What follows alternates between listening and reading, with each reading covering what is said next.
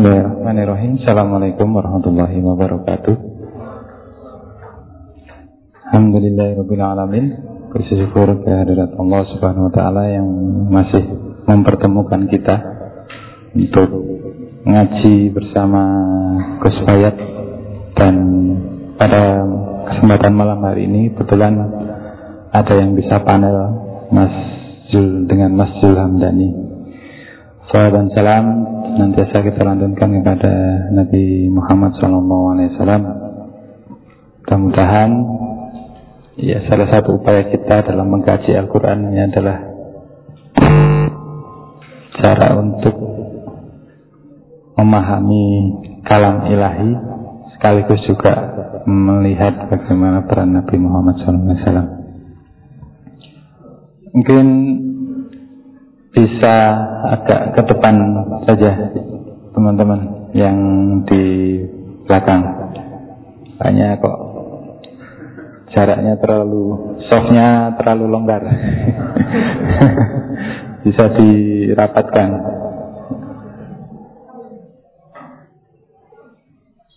Sambil nunggu minuman nanti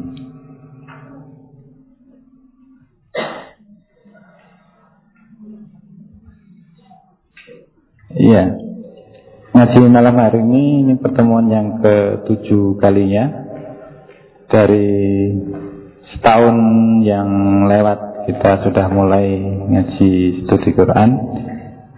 Ini bahasa kita, tapi kalau biasanya Gus Fayat e, membahasakan kajian Al-Quran, pendekatan materialisme historis. Nah, itu kalau dipublish di kita ini agak resisten. Jadi kita pakai kata itu ngaji studi Quran biar agak apa uh, memberi memberi angin yang lain dibandingkan dengan memakai terma yang biasa disampaikan oleh Gus Bayat. Uh, sebelum ngaji kita mulai dulu dengan membaca Al-Quran beberapa ayat Al-Quran dari surat Al-Maidah kami Persilahkan ini yang panel sekaligus juga yang membaca Al-Quran Mas Ulan Dani, monggo mas أعوذ بالله من الشيطان الرجيم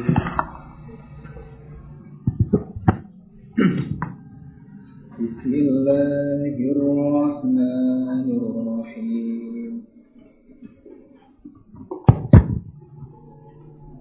يا أيها الذين آمنوا أوفوا بالعقود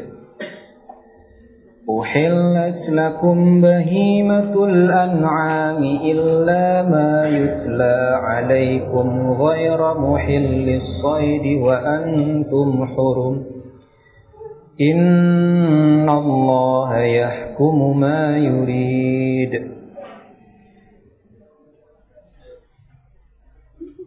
يا أيها الذين آمنوا لا تحلوا شعائر الله. لا تحلوا شعائر الله ولا الشهر الحرام ولا الحدي ولا القلائد. ولا الحدي ولا القلائد ولا آمين البيت الحرام يبتغون فضلا يبتغون فضلا من ربهم ورضوانا. وإذا حللتم فاصطادوا. ولا يجرمنكم شنآن قوم أن صدوكم عن المسجد الحرام أن صدوكم عن المسجد الحرام أن تعتدوا وتعاونوا على البر والتقوى ولا تعاونوا على الإثم والعدوان واتقوا الله إن الله شديد العقاب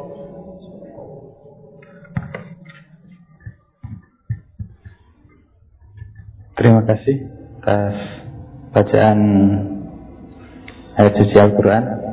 Mungkin bagi teman-teman untuk uh, menyambung dari apa yang akan kita bahas, sekiranya kalau memang butuh Al-Quran dan terjemah, ini bisa diambil di lemari atau kalau di mainan pintarnya ada Al-Quran ya mungkin sudah cukup pakai itu.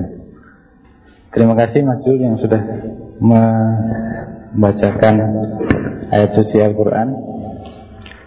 Ya, untuk tema malam hari ini adalah Al-Maidah dan pesan-pesan pembebasannya. Barangkali tema ini juga uh, populer dengan suasana politik yang terjadi di Jakarta tapi untuk kasus yang ayat 51 dan malam hari ini mungkin pembacanya akan lebih luas karena dari 150 ayat dari surat Al-Maidah ini tentunya masing-masing ayat itu menyampaikan ataupun membawa pesan yang banyak dan apa yang terkandung dalam masing-masing ayat ini juga tidak mungkin tidak bisa berdiri sendiri. Nah, kata arti dari Al-Maidah ini barangkali juga akan menjadi pokok bahasan apa arti hidangan dalam dari dari surat ini. Kalau konteksnya Al-Maidah ini diturunkan di Madinah, ini kan berarti pasca hijrah dan bagaimana ayat-ayat uh, Madinah Madaniyah ini berbicara tentang masyarakat ataupun konteks yang dihadapi ketika itu. Uh, mungkin langsung saja untuk yang pertama ini akan siapa dulu? Mas dulu atau Mas dulu? Oh iya. Iya iya, silakan Mas. Kami persilahkan untuk mengawali pembahasan pada malam hari ini.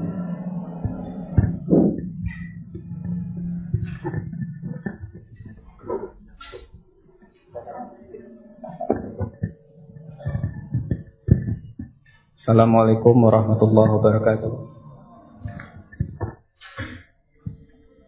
Terima kasih kesempatan yang telah diberikan oleh Amir Masjid.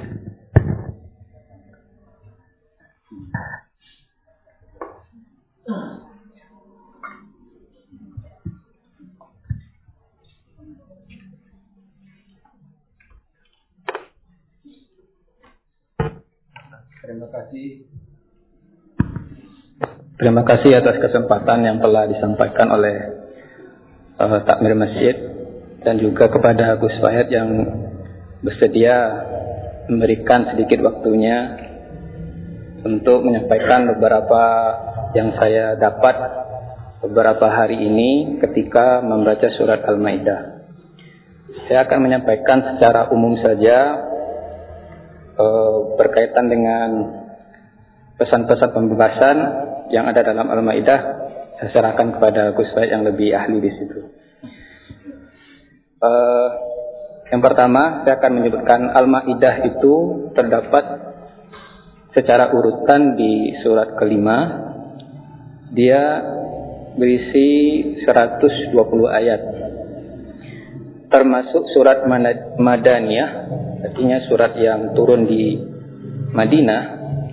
Meskipun ada ayat-ayat yang diturunkan di Mekah, akan tetapi uh, turunnya yang yang di Mekah itu sudah Nabi hijrah pada saat haji wada. Jadi sudah terhitung di Madaniyah juga berarti. Nah, berkaitan dengan nama Al-Maidah eh, terdapat eh, yang saya temukan ada tiga nama yang berkaitan dengan Al-Maidah ini. Yang pertama yang sebagaimana yang kita temukan dalam Al-Qur'an dengan nama Al-Maidah berarti hidangan makanan. Kenapa dinamakan Al-Maidah? Karena dikaitkan dengan kisah para pengikut Nabi Isa yang meminta Nabi Isa agar Allah menurunkan untuk mereka hidangan dari langit. Ini bisa ditemukan di surat di ayat terakhirnya ya, di ayat yang akhir. Kemudian ada juga dinamakan surat ini dengan Al-Uqud.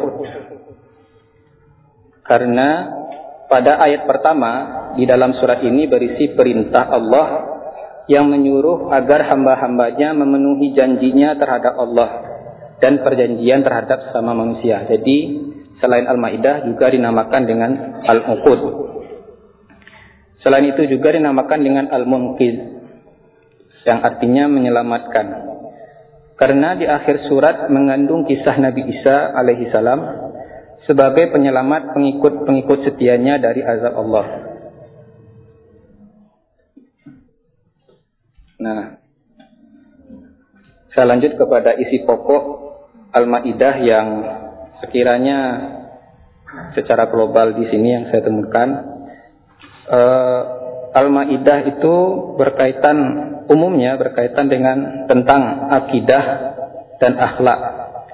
Terutama di ayat pertama itu yang berkaitan dengan al-uqud tadi, yaitu yang berkaitan dengan perjanjian. Kemudian kandungan ayat ini juga ber, ber, uh, berbicara tentang hukum. Jadi kalau teman-teman membuka kitab tafsir lebih banyak saya temukan itu pembahasan fikih yang sering dipaparkan di sana atau ya tafsir klasik begitu umumnya. Hukum-hukum yang disampaikan yang terdapat dalam surat ini meliputi masalah perjanjian tadi. Kemudian bagi hukum bagi yang melanggar syiar Allah banyak juga membahas tentang makanan halal dan haram. Kemudian juga berkaitan dengan pernikahan. Kemudian berkaitan dengan bersuci, mandi, tayamum, dan wudhu, kemudian bagaimana hukum membunuh membunuh orang, kemudian juga berkaitan dengan kisos, bagaimana melanggar sumpah dan kafaratnya, kemudian juga berhubungan dengan hukum binatang memburu binatang waktu ihram, kemudian juga ada bersangkutan dengan persaksian yang berkenaan dengan masalah wasiat. Nah, saya hanya menyampaikan ini berdasarkan uh, keutuhan surat di dalam di dalam ulumul Quran itu ada yang disebut dengan ilmu munasabah. Jadi ilmu munasabah itu berkaitan dengan bagaimana ayat per ayat itu saling terkait satu sama lain hingga keutuhan surat itu terbangun berbagai uh, beberapa penafsir atau ulama ulumul Quran menamakan keutuhan surat itu dengan istilah Ar-Rabtun. Itu dikenalkan oleh Tanafi. Uh, Said Kutub mengenalkannya dengan kata mihwar, sentral tesis Al-Quran. Tabak-tabai meng mengistilahkannya dengan goroid, sentral adia atau tujuan. Uh, ada juga Farahi dan Islahi yang mengenalkannya dengan Amud sentral tema. Jadi uh, surat Al-Maidah tadi mempunyai sentral tema yang sekiranya me menjadi bidang merah bagaimana ayat per ayat itu saling berkaitan membicarakan hal yang uh, menjadi tiang bagi surat itu sendiri. Nah, Dari yang saya temukan mengenai apa ya sentral tema yang berkaitan tadi, saya lebih tertarik untuk membahas tentang perjanjian itu. Di ayat pertama Al-Qur'an membahas tentang perjanjian bagaimana keharusan untuk menyempurnakan atau memenuhi janji. Baik itu janji antara Allah dengan manusia ataupun sesama manusia. Kemudian pada ayat 1 sampai 5 itu di, di, dibicarakan tentang makanan halal dan makanan haram. Serta persoalan pernikahan di ayat yang 5 itu. Kemudian di ayat ke-6 itu dibahas tentang ketentuan berwudu, mandi dan tayamum. Kemudian di ayat ke-7 kita diingatkan kembali dengan perjanjian dan nikmat. Bisa jadi ada hubungannya ayat 1 dengan 5 sampai 6 itu adalah berupa nikmat. Nikmat makanan halal dan larangan terhadap makanan yang haram. Kemudian nikmat juga dihubungkan dengan kita itu berwudhu, mandi dan tayamum sebelum sholat itu juga merupakan nikmat yang diberikan oleh Allah. Ya, ketujuh kita diingat, diingatkan kembali dengan perjanjian. Berkaitan dengan pernikahan itu berarti kita mengikat janji dengan sesama manusia. Artinya antara laki-laki dan perempuan ada janji di situ. Itu menjadi uh, sentral dari ayat yang pertama tadi. Kemudian juga berkaitan dengan makanan yang halal. Makanan yang halal ini tentu kita men, di dalam ayat itu diterangkan sangat jelas sangat sangat jelas uh, sekali ya bagaimana makanan halal itu diperoleh dan bagaimana yang haram itu dilarang. Nah, dari situ kita bisa melihat bagaimana ketentuan Allah agar perjanjian baik itu sesama manusia ataupun sesama makhluknya yang lain itu agar dijaga. Nah, dari sini uh, kita temukan bagaimana ayat ini menganjurkan kita agar menjaga janji dengan Allah baik itu dalam berburu atau mencari makanan. Kemudian berjanji sesama manusia di sini yang dicontohkan dengan uh, persoalan pernikahan. Nah dari situ kisah uh, yang saya temukan ya pesan yang disampaikan di sini adalah uh, adanya penghormatan terhadap bulan ihram tadi, bagaimana dilarangnya berburu di tempat ihram saat ihram Kemudian juga adanya larangan untuk eksploitasi binatang untuk kebutuhan manusia. Bisa jadi hewan-hewan yang mati karena teraniaya di di ayat yang keberapa itu ada banyak hewan yang diharamkan untuk dimakan. Bisa jadi hewan-hewan yang diharamkan yang untuk dimakan itu ya mati terbunuh, mati tercekik itu karena hewan-hewan itu teraniaya, terdalimi begitu. Sehingga oh, kita dilarang untuk memakannya. Nah, terkait dengan pernikahan itu mungkin bisa ada hubungan ada hubungannya dengan emansipasi wanita karena pernikahan di situ dilarang untuk berzina. Dilarang untuk tujuannya berzina ataupun untuk perbudakan. Nah, dari situ bisa kita ketahui bahwa tujuan nikah kan di situ ada perjanjian di awal tadi. Jadi ketika tujuan nikah itu sudah melenceng dari ketentuan asalnya, maka perjanjian antara sama manusia maupun sama maupun kepada Allah pun akan terputus. Jadi ayat tadi secara singkat saya sampaikan ada hubungan janji antara manusia dan Allah maupun dengan sesama manusia atau dengan makhluk yang lain. Mungkin hanya itu yang bisa saya sampaikan singkatnya. Terlebih dan terkurang mohon maaf. Mungkin bisa hanya mengantarkan kepada Gus Hayat.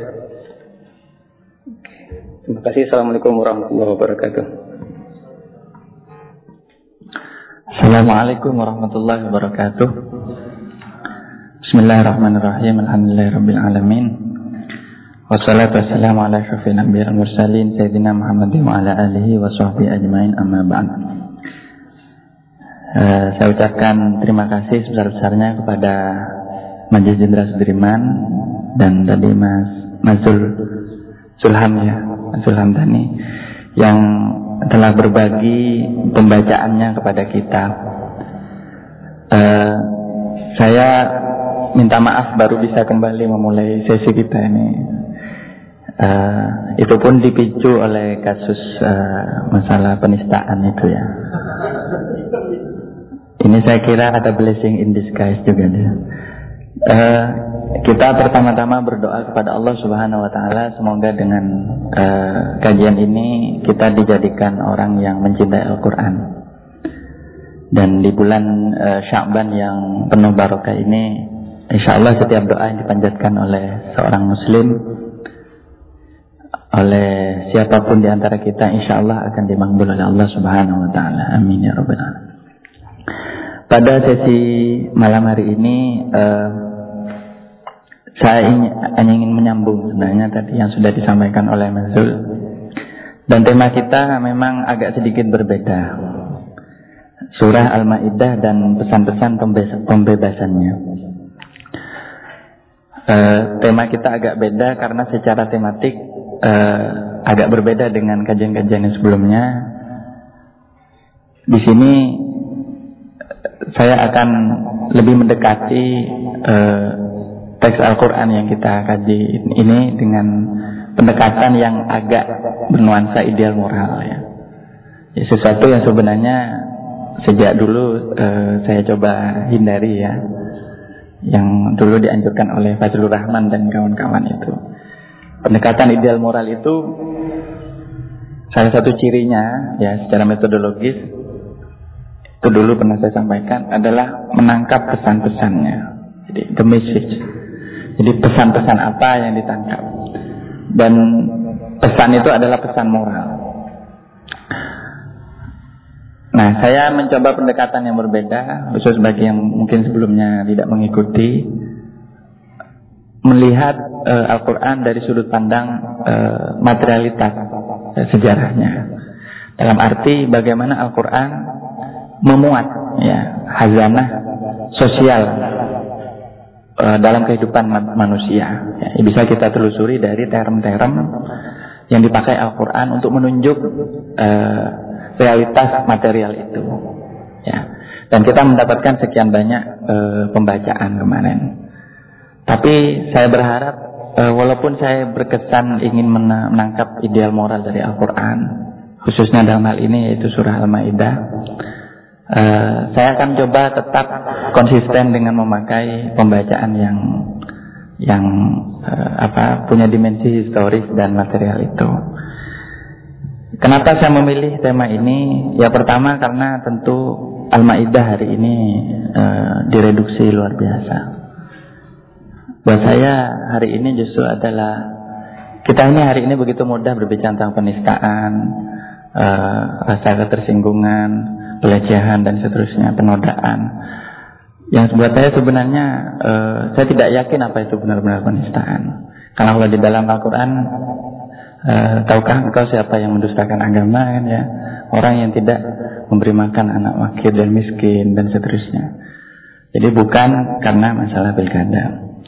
Nah, jadi pertama ini perlu ditekankan bagi siapa pun saya kira terlalu reduktif, terlalu simplistik terlalu apa sempit kalau anda memaknai al-maidah itu sebagai uh, surat politik.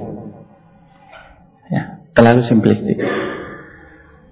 Nah ini banyak sekali ketidakpahaman di kalangan umat Islam yang mengakibatkan al-maidah ini seolah-olah menjadi kalau boleh saya terus terang mengatakan surah uh, kebencian Surah yang pesannya seolah-olah mengajak kita untuk membenci pihak lain. Ya. Karena apa? Ada segelintir orang, ada sebagian orang di kalangan umat Islam ini yang menggunakan surah ini belakangan ya kita tahu untuk melarang uh, warga Indonesia maju sebagai uh, pemimpin daerah. Uh, walaupun dengan alasan apa uh, dia bukan seorang muslim. Nah, kita akan mencoba juga membaca ayat itu, Al-Maidah 51 itu. Pertama saya punya punya pendekatan e, tawaran seperti ini. Dan saya dalam hal ini untuk sesi kali ini akan merujuk kepada tafsir Al-Munir yang ditulis oleh e, Profesor Dr. Wahab Zuhaili. Ini jadikan teman dialog saya. E, dan nanti saya kira kalau ada kawan-kawan yang punya tawaran tafsir yang berbeda, kita juga jadikan referensi ya. Pertama, eh, surat ini buat saya sangat eh, bernuansa pembebasan. Ya.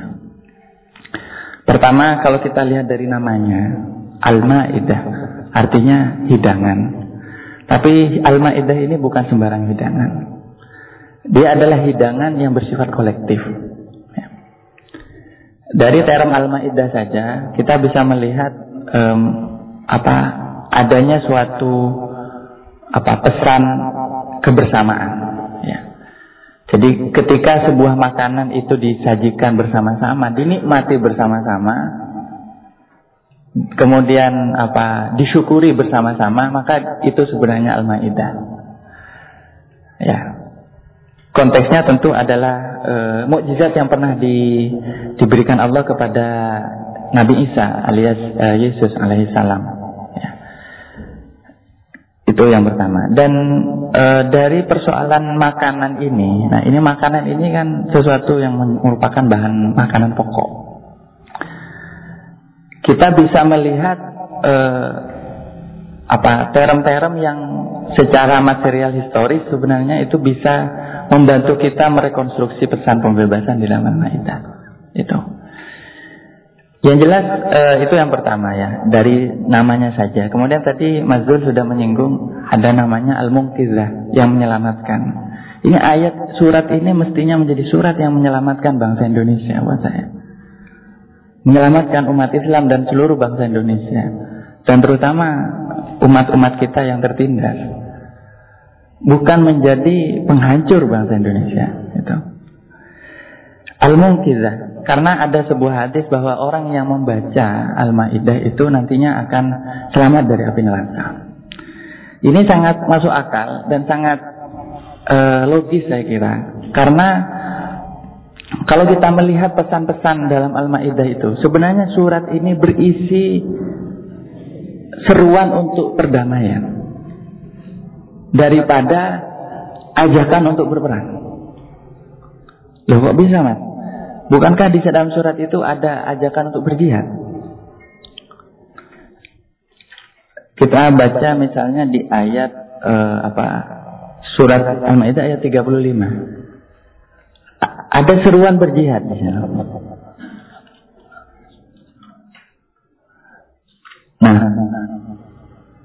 di sini wajah itu visabilih ya.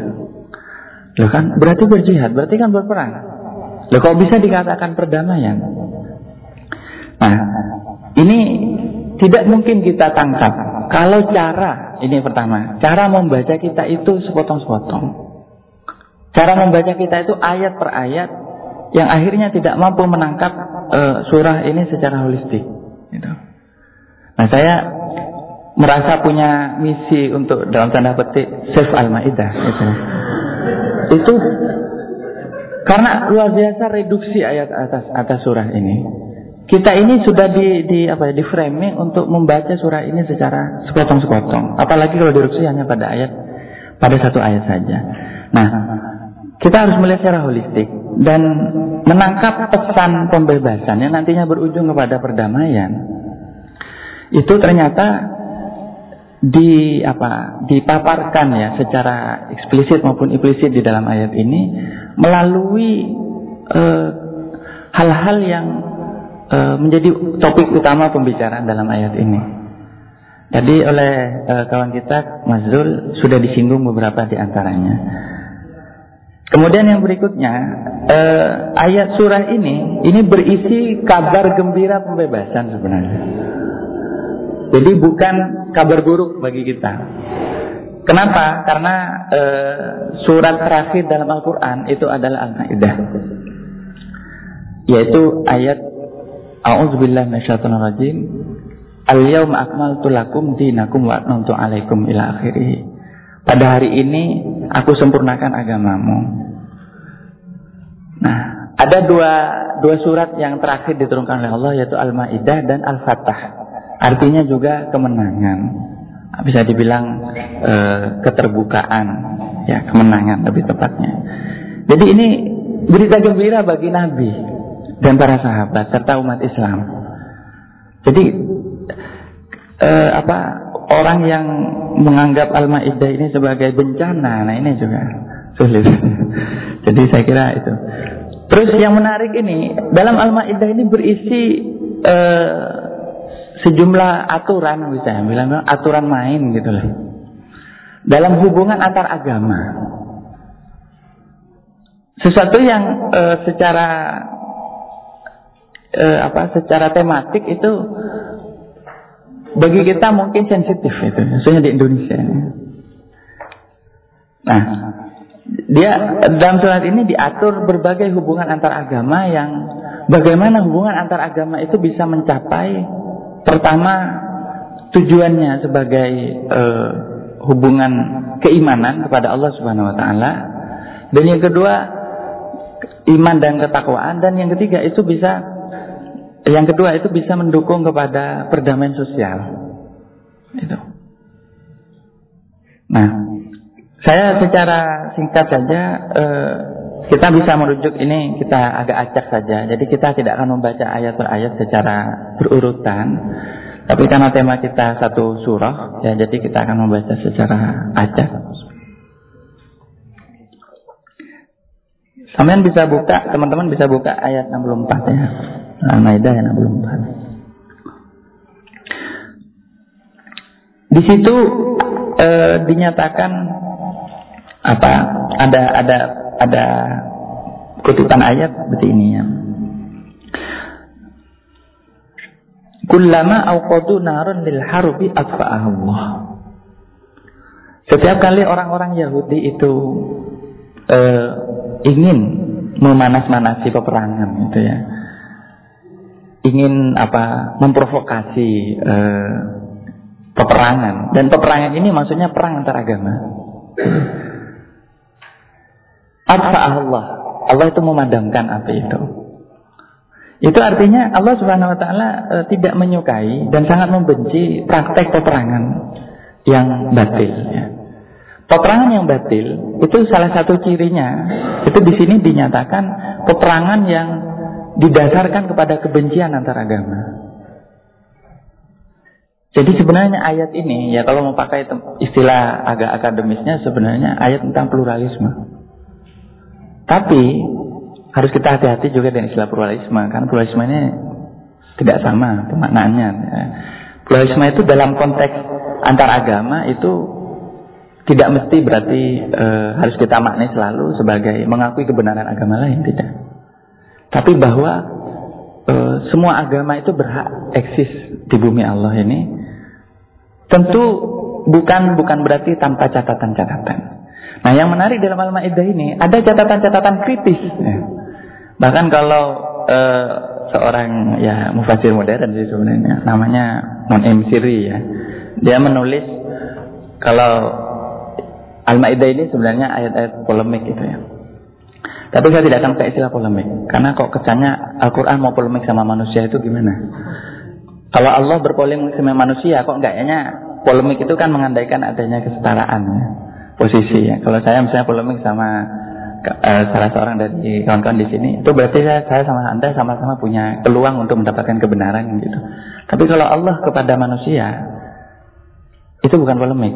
Tapi e, kritik, koreksi, dan e, peringatan. Ya. Sebenarnya di dalam ayat ini ada banyak sekali ayat-ayat yang bernuansa kritik itu, yang berisi itu terhadap beberapa keyakinan doktrinal orang Yahudi dan Nasrani alias yang disebut dengan kaum ahlul kitab itu secara langsung maupun secara tidak langsung. Secara langsung misalnya di dalam ayat ini dinyatakan bahwa tidak benar kalau orang Nasrani misalnya menyatakan uh, bahwa Nabi Isa itu adalah Tuhan, ya, membantah ketuhanan uh, Yesus alaihissalam. Itu tidak benar. Itu jangan dibaca sebagai ayat permusuhan itu benar Ketika kita mendekatinya sebagai ayat permusuhan, maka uh, seolah-olah seluruh e, kalangan ahli kitab itu semuanya sesat. Padahal tidak. Nah, di dalam ayat ini di dalam e, surah ini menariknya justru ada pengakuan yang berimbang ya. Bahkan ada ayat innal ladzina amanu wal ladzina hadu wan nasara wasabiina man amana billah ila akhirih. Orang yang beriman dari kalangan termasuk dari kalangan orang Yahudi dan Nasrani sejauh mereka beriman kepada Allah maka mereka termasuk dari orang yang mendapatkan petunjuk. Jadi kita harus melihat ayat uh, surah ini secara holistik dan ini uh, tentu tidak memungkinkan kalau kita membacanya secara fragmentaris ya.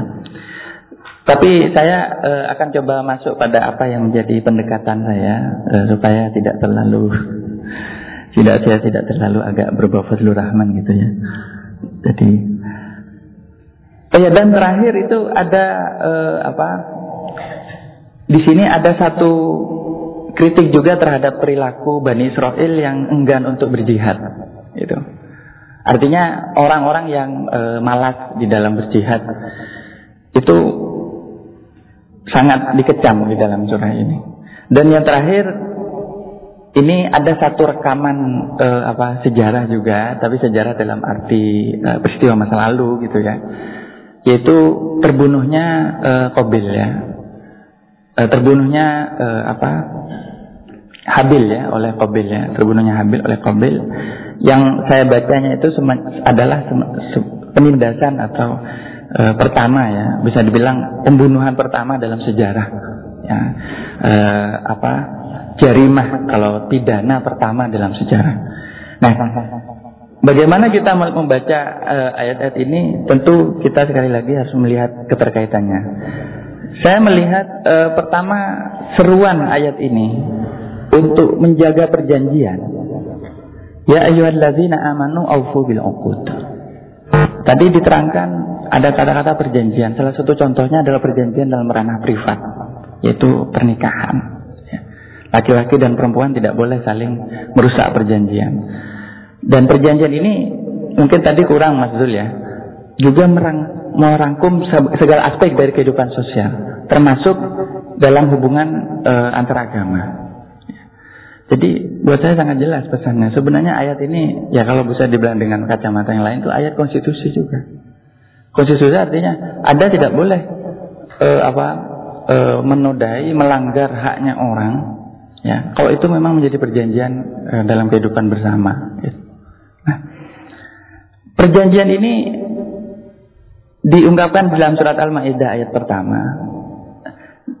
Perintah langsung dan wajib ya untuk ditaati sebagai bentuk eh, apa? Upaya untuk mencegah terjadinya pertumpahan darah di tanah haram alias di eh, Baitullah.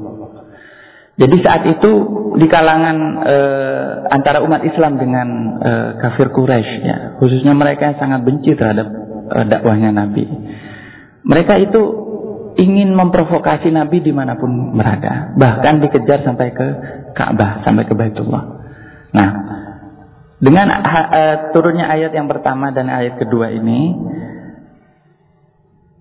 janganlah kalian mengotori, ya pesannya kurang lebih seperti ini Masjidil Haram ini dengan permusuhan. Ini adalah tanah perdamaian. Ya. Ini Darussul, ini tanah perdamaian, bukan Darul Harb, bukan negeri peperangan. Jadi eh, apa? Kalau diturunkan cerita anunya eh, apa? Eh, asbabun nuzulnya itu ada banyak upaya provokasi yang jelas yang dilakukan oleh kafir Quraisy. Ada misalnya kelompok orang munafik yang datang kepada Nabi, kemudian uh, di, di depan Nabi dia beriman, tapi kemudian di belakangnya itu uh, berkhianat, ya. Bahkan memprovokasi. Bahkan nanti ada ayat yang disebut ayat muharabah, ya di ayat hirabah ayat 33 surat Al-Maidah ayat 33 itu jelas-jelas utusan Nabi yang dibunuh. Ya. Ada yang juga mengatakan itu seorang penggembala yang dibunuh. Artinya banyak sekali upaya provokasi. Nah, Allah Subhanahu wa taala tidak ingin terjadi pertumpahan darah sebenarnya di mana pun. Tapi karena kemuliaan e, tanah haram, maka lebih khusus lagi di Baitullah. Nah, ini maka turunlah ayat pertama ini. E, Perjanjian damai ini ini uh, selalu ditekankan di dalam surah Al-Maidah sebagai al-uhud atau uh, al-uqud ya, sebagai perjanjian. Nah, perjanjian ini melingkupi perjanjian Allah dengan manusia, perjanjian sesama manusia, sumpah, perjanjian jual beli, perjanjian nikah, perjanjian uh, hubungan antar agama dan lain-lain. Rasulullah berkata di dalam sebuah hadis, Al-muslimuna inda syurutihim. Orang-orang Islam itu bisa dihargai atau bisa diakui keislamannya, sempurna keislamannya sejauh mereka uh, menaati syurut mereka. Syurut itu artinya perjanjian-perjanjian mereka. Artinya mematuhi perjanjian itu merupakan uh, apa prasyarat terselenggaranya kehidupan sosial yang sehat, ya, kehidupan sosial yang uh, sehat. Ya. Saya tidak tahu apakah term modern tentang kontrak misalnya, kontrak sosial atau kontrak politik itu memadai itu. Tapi ide tentang satu perjanjian yang mengikat secara moral dan etis bagi semua kelompok itu sebenarnya diperkenalkan oleh oleh Islam. Ya. Islam banyak sekali memperkenalkan, Al-Quran banyak sekali memperkenalkan dengan istilah misalnya Al-Mithaq. Al-Mithaq itu perjanjian yang paling suci, yang tidak boleh di, di ini. Jadi sekali janji keluar, ya, janji misalnya bahwa kita itu menghargai kemerdekaan orang untuk berpendapat, itu tidak boleh dilanggar. Jadi tidak ada kata janji, tidak ada toleransi untuk melanggar janji. Nah saya membaca seperti ini kawan-kawan. Uh, kenapa Al-Quran ini sangat sangat anu ya, sangat eksplisit berbicara tentang perjanjian. Sebenarnya pentingnya perjanjian dalam Al-Quran ini itu harus dipahami secara menyeluruh lagi-lagi. Jangan dipahami hanya perjanjian kontraktual gitu ya. Karena kalau perjanjian kontraktual sebenarnya kapitalisme itu juga memfasilitasi itu. Tapi perjanjian yang menyeluruh dalam segala aspek perjanjian untuk tidak saling uh, melukai, tidak saling membunuh, tidak saling musuhi dan seterusnya. Ini buat saya pesan yang sangat apa ya, sangat uh, bisa kita baca seperti ini ya. Al-Quran sangat menekankan apa uh, bahwa perjanjian itu merupakan bentuk paling ideal sebenarnya dari relasi sosial, gitu. Jadi kita tahu bahwa dilema dari kehidupan modern itu kan ada dua ya. Antara kehidupan individualis dengan kehidupan e, komunal. Ini kalau dulu dibaca sedikit secara sosiologis, walaupun ini belum benar material.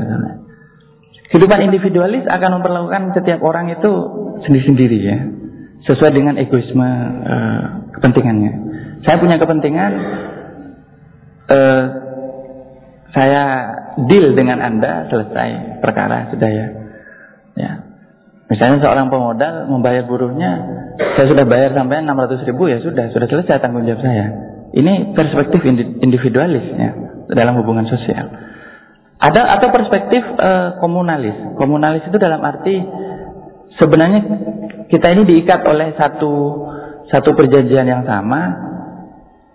Dan masing-masing individu intinya tidak begitu punya apa kebebasan untuk uh, apa bergerak begitu ya harus melalui persetujuan kepala adatnya entah tetuanya entah sesepuhnya dan lain-lain. Itu sangat lengkap kalau di dalam kultur uh, masyarakat Arab. Pola yang komunalis itu sangat dekat karena masyarakat Arab itu hidup dengan tribalisme kesukuan yang sangat tinggi atau kalau pakai bahasanya Ibnu Khaldun itu dengan uh, ta'assub ya jadi apa kata Pak Ketua apa itu sesepuh. Eh, jadi kalau katanya sesepuh itu A, A semua wajib A. Tidak boleh ada hak untuk berbeda. Nah, Islam itu buat saya menarik karena uh, Islam itu tidak individualis tapi juga tidak sepenuhnya komunalis dalam arti yang tribalistik tadi.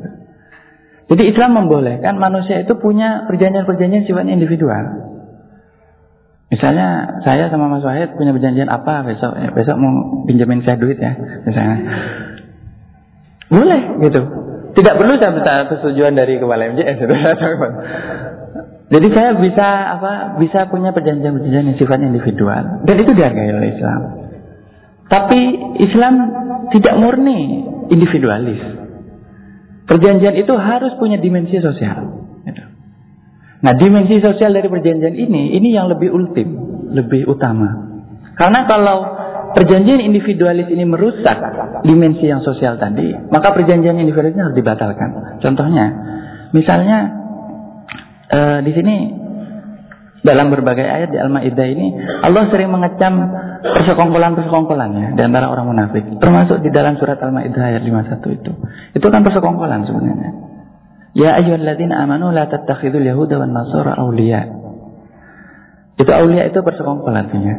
Jangan diartikan sayangnya kok terjemahan depak itu sama sekali. Saya itu sejak lama sudah skeptis dengan terjemahan depak. Ya, tapi terpaksa kita pakai juga misalnya. Aulia itu bukan sekadar pemimpin atau apa uh, kekasih atau teman ya. Selalu pilihannya cuma dua. Kalau saya memilih aulia itu patron. Patron atau uh, teman persekongkolan. Gitu. Nah, Al-Quran itu melarang. Itu kan perjanjian juga sebenarnya kan. Persekongkolan itu satu bentuk okut perjanjian, tapi okut yang batil, batilah, yang, yang tidak sah. Jadi misalnya saya sekongkol, eh nanti kita bunuh ya dia itu, kita racuni itu Munir tuh misalnya. Persekongkolan ini, ini walaupun sifatnya individual tidak boleh ditaati. tidak boleh dipertahankan karena perjanjian semacam ini ini merusak tatanan sosial. Artinya merusak uh, kehidupan sosial yang sebenarnya diidealkan oleh Al-Qur'an itu sendiri. Makanya di sini ketika Al-Qur'an menyatakan Ya ayyuhalladzina amanu aufu bil uqud. Sebenarnya uqud seperti apa? Itu adalah saya memahaminya perjanjian dalam ranah individual maupun ranah sosial sejauh tidak membahayakan kehidupan kolektif. Jadi ada kehidupan kolektif yang dilindungi. Dan kalau membaca Anda membaca surat Al-Maidah berkali-kali yang disebut dengan ad-daruriyat al-khamsah, ya, lima kewajiban menjaga hal-hal yang primer di dalam kehidupan itu. Itu semua tercermin di sini. Aburid al-Khamsah itu adalah istilah yang dipakai oleh Imam Abu Ishaq al-Shatibi dan juga beberapa ulama usul fikih seperti Imam Al-Ghazali yang menyatakan bahwa agama itu bertujuan untuk melindungi lima hal. Ya. Kemudian ulama Indonesia yang bernama Kiai Ali Yafi itu menambahkan satu hal, ya, yaitu hifzul bi'ah, menjaga lingkungan. Tapi lima hal ini pertama hifzuddin ya, menjaga agama. Kemudian yang kedua hifzul nafas, menjaga diri. Kemudian hifzul akal, menjaga akal. Hifzul mal, menjaga harta. Dan yang terakhir adalah hifzul nasal, menjaga keturunan. Ini bisa kita bahas lain kali. Ini usul fikih nanti jadinya. Tapi semua ayat ini tercermin di sini. Misalnya di dalam hifzuddin. Hifzuddin itu di sini diungkapkan dalam kewajiban kita mempertahankan agama kita dari penyimpangan-penyimpangan akidah. Ya eh, saat itu yang menjadi sasaran kritik dari Al-Quran itu lagi-lagi orang Yahudi dan Nasrani. Tapi ingat Yahudi dan Nasrani Mekah ya. Al-Quran itu eh, apa? Tidak berbicara Yahudi dan Nasrani dalam kategori yang apa? Yang dalam arti semua orang Yahudi dan Nasrani, kecuali kalau poinnya sama gitu. Yaitu mereka yang misalnya terjebak di dalam mengilahiakan uh, apa menuhankan uh, ketuhanan ketuhan, uh, Yesus misalnya atau misalnya menganggap supremasis ya paham supremasis supremasisme itu ya paham bahwa ras kami ini yang paling unggul ini ini di sini ada ayatnya uh, anda bisa baca nanti klaimnya orang Yahudi itu nahnu abna'ullah wa ahibba'uh katanya kamu ini kekasih-kekasihnya Allah dan orang-orang yang dicintainya. Atau klaim sebagai bangsa terpilih. Ya, itu. Sebenarnya klaim-klaim supremasi seperti ini yang ada dalam tradisi Abrahamik. Ini bisa kita lihat dalam tradisi Abrahamik pra-Islam itu sangat kuat ya. Klaim-klaim keunggulan ras, keunggulan agama dan seterusnya. Keunggulan uh, apa uh, umat ya. Itu tidak cocok bagi Al-Qur'an. Ya di, di, di, di ayat e, tersebut dinyatakan ya di, di, dibalas begitu ya. Kalau kalian itu benar-benar e, apa kekasih Allah, kenapa Allah mengazab kalian? Orang-orang Yahudi itu berkali-kali diazab oleh Allah, dihukum oleh Allah ya. Diazab ini jangan diartikan dihancurkan tapi di apa di dihukum, disanksi ya. Karena pelanggaran-pelanggaran moral dan etis yang luar biasa e, parah. Ya. Antara lain misalnya membunuh para nabi. Nah, jadi eh, apa masalah perjanjian ini saya kira satu term apa satu pesan yang mungkin bisa dibilang universal, tapi saya akan coba memaknainya. Dia sebenarnya inti dari hubungan sosial. Jadi kalau kalau boleh dibilang dibaca itu seperti ini. Uh, apa ini ya? Ada janji dikhianati, ya. Sekali lagi janji pada skala yang uh, individual maupun antar individu maupun sosial ya. Ketika janji dikhianati, maka terjadi anarki. Nah, ini istilah-istilah yang sebenarnya ya anarki dalam arti kekacauan pada relasi sosial. Nah, coba teman-teman baca ayat 13 ya. Ayat 13 sampai 14 dari Al-Maidah.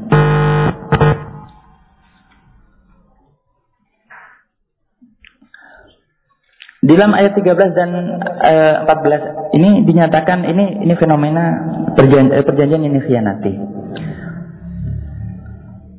Fabima naqbihim misaqhum la'annahum wa ja'alna qulubahum qasiyah ya. Yuharrifuna al-kalima amma wadhihi wa nasu hazzan mimma dzukiru bih.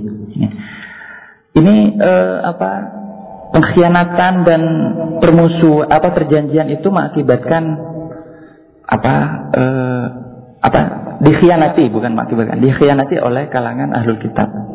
Dan anarki pada relasi sosial. Ini misalnya di sini disebutkan apa e, mereka itu tidak berinfak ya. Karena salah satu misak ini di dalam tafsirnya wa minal ladzina qalu inna nasara akhadna mitsaqahum. Sebagian dari dari di antara orang yang mengatakan kami ini Nasrani, kami telah mengambil perjanjian mereka. Perjanjian itu di dalam uh, tafsir ini dinyatakan salah satu perjanjian pertama adalah beriman kepada Allah dan Rasulnya, beriman kepada Nabi Muhammad, beriman kepada Al-Quran, ya, dan berjanji untuk berinfak, menafkahkan harta mereka ke jalan Allah. Itu tidak dilakukan oleh orang uh, Yahudi dan Nasrani, sebagian orang Yahudi dan Nasrani saat itu yang kufur. Nah, maka anarki pada relasi sosial ini, misalnya sampai terjadi pembunuhan atas Nabi, kekufuran, tidak berinfak, ya, itu saya menerjemahkannya bisa mengakibatkan anarki pada uh, relasi produksi. Relasi produksi itu artinya apa? Nah ini bilang dalam ayat ini fa'aghraina bainahumul adawata wal baghdha. Maka kami uh, timpakan, kami timbulkan permusuhan dan kebencian di antara mereka. Jadi permusuhan dan kebencian itu hasil dari perilaku mereka sendiri yang merusak janji. Ya. Nah, kita bisa melihat di kalangan Bani Israel itu penindasan itu luar biasa eh, parah ya. Jadi yang lemah ditindas oleh yang kuat, e, budak ditindas oleh tuannya dan seterusnya. Maka terjadilah e, anarki pada relasi produksi dan anarki ini lalu menjurus kepada anarki sosial secara umum. Saya sebenarnya berharap kalau bisa kita itu semacam mampu menteorikan. Ya. Tapi mudah-mudahan ini bisa lebih komprehensif kita lakukan uh, di tempat apa di lain waktu gitu ya. Ada nggak teori sosial Al-Quran tentang konflik? Ya.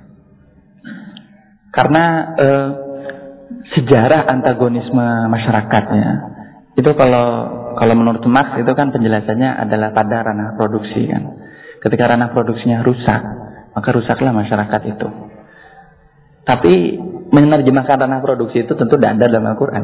Tidak ada tulis ranah produksi itu tidak ada. Ada kalau dari itu sampai mati pun nggak akan dapat. Ranah produksi itu harus diterjemah dalam konteks relasi sosial pertama. Tentu tidak semua relasi sosial itu produktif. Ya. Misalnya suami dan istri itu bukan ranah produksi itu.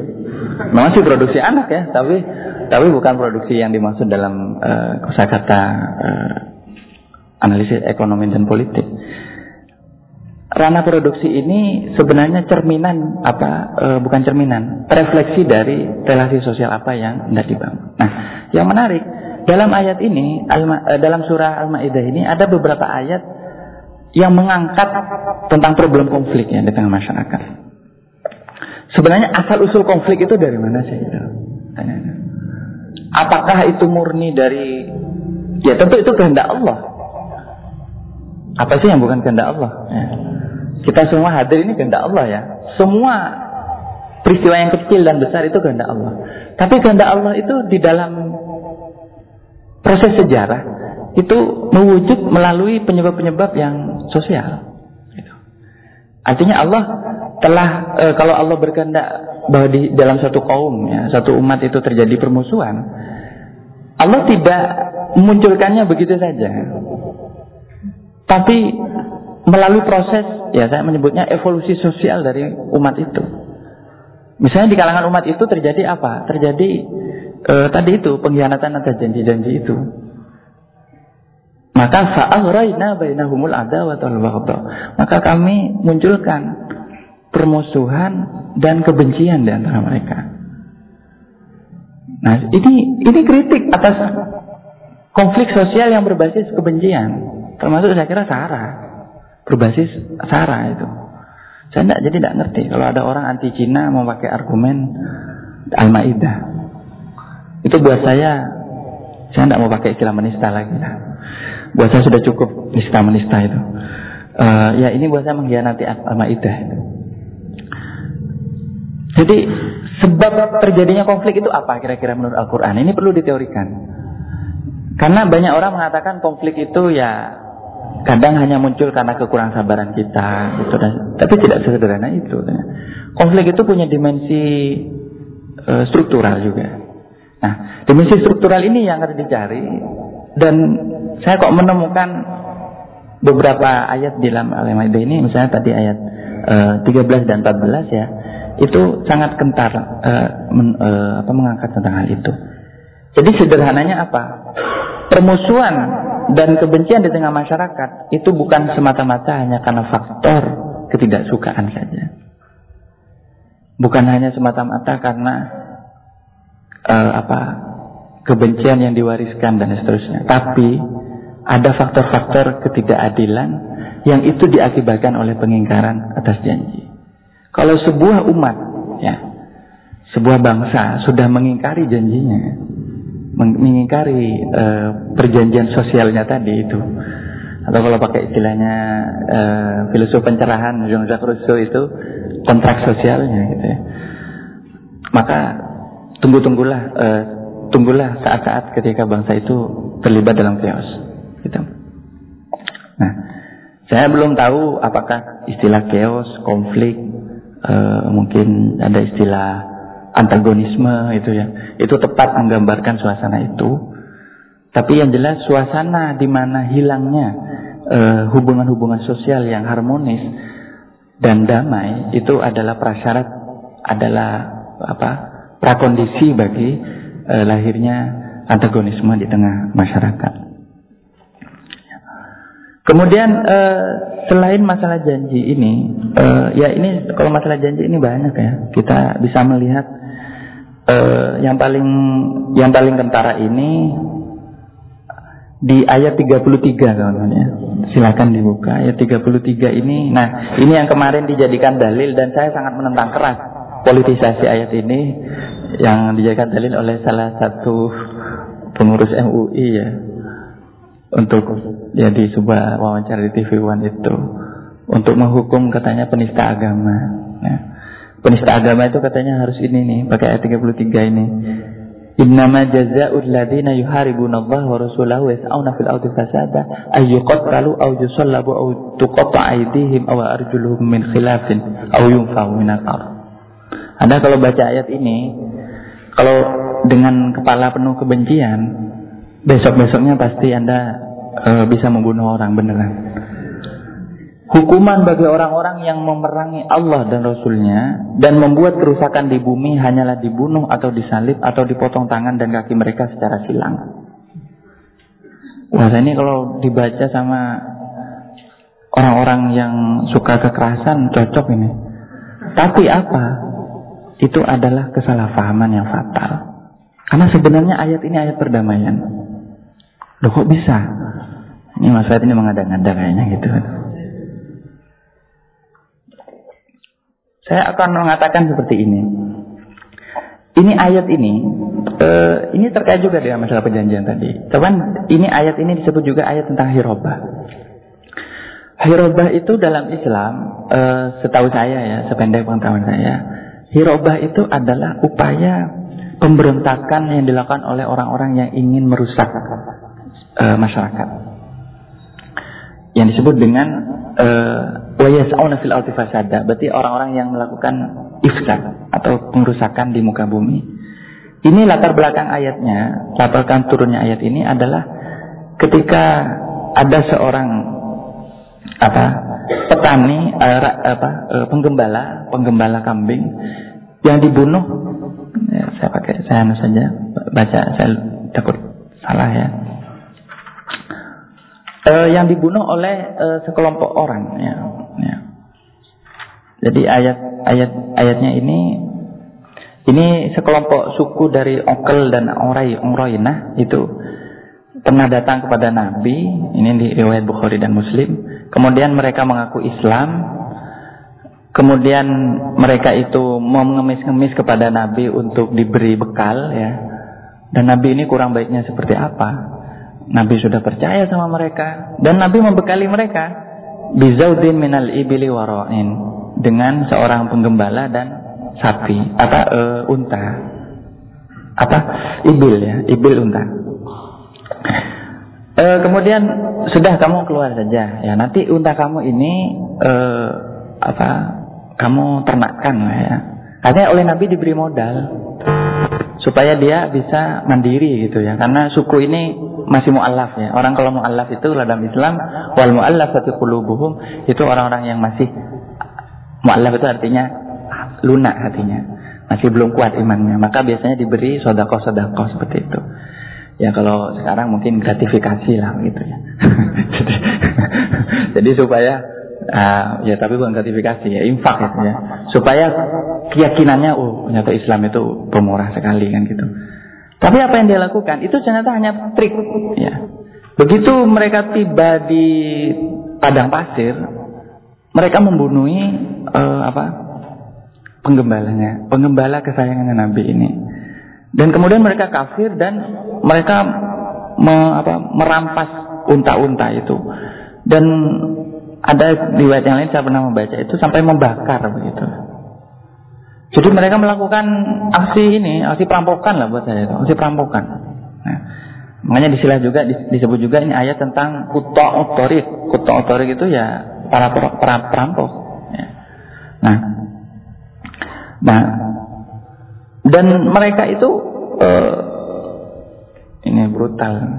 Mereka itu kayak mencungkil matanya uh, roi tadi, apa penggembala tadi, dan menyalipnya.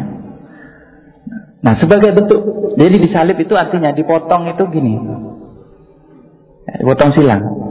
Saya tidak tahu teknik pemotongan ini ternyata sudah dikenal ya. Jadi ini rekaman, rekaman historis sebenarnya juga atas praktek-praktek eh, kriminalitas era jahiliyah itulah ya. Ya, saya kira itu juga berlaku di Indonesia itu sekarang. Model-model kriminalitas seperti ini nih ya, pakai bondet macam-macam gitu ya. Tapi yang menarik ada teknik penyaliban. Nah, penyaliban ini sebenarnya teknik yang juga dikenal di era Romawi. Di era Romawi itu orang kalau ingin menghukum seorang terpidana ya itu dengan disalib ya kan seperti itu. Nah sebagai balasan kemudian turun ayat ini dan Rasulullah awalnya kan tidak tahu kalau terjadi pembantaian seperti itu gitu, terhadap siroi tadi terhadap penggembala tadi malangnya penggembala itu kemudian Rasulullah diberitahu oleh Allah Subhanahu Wa Taala melalui wahyu ini dan akhirnya apa balasan terhadap orang itu. Akhirnya balasannya ini ya. Mereka juga harus ikut dibunuh, mereka harus uh, sebagai balasannya mereka juga dibunuh dan di disalib dan disalib dalam arti dipotong dari belakang dengan model seperti salib seperti ini.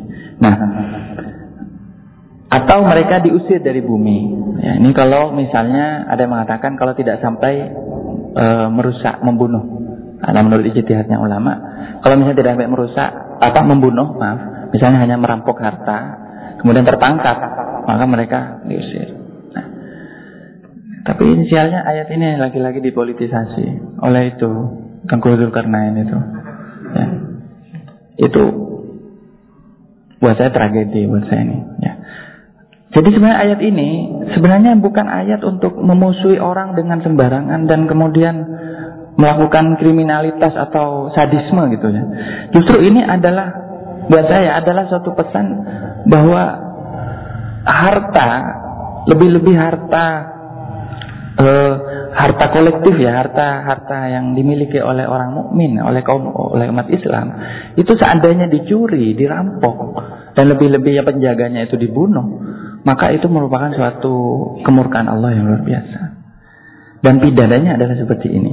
Kalau saya akan menyebutnya uh, ini di, oleh kalau menurut uh, di dalam tafsirnya ini Wahbah Zuhaili itu menyebutnya juga wa ikhafatis sabil.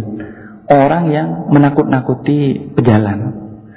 Jadi kalau kutu otorik itu biasanya berandal begitu apa e, ada orang lewat langsung misalnya di dirampok begitu itu kutu otorik.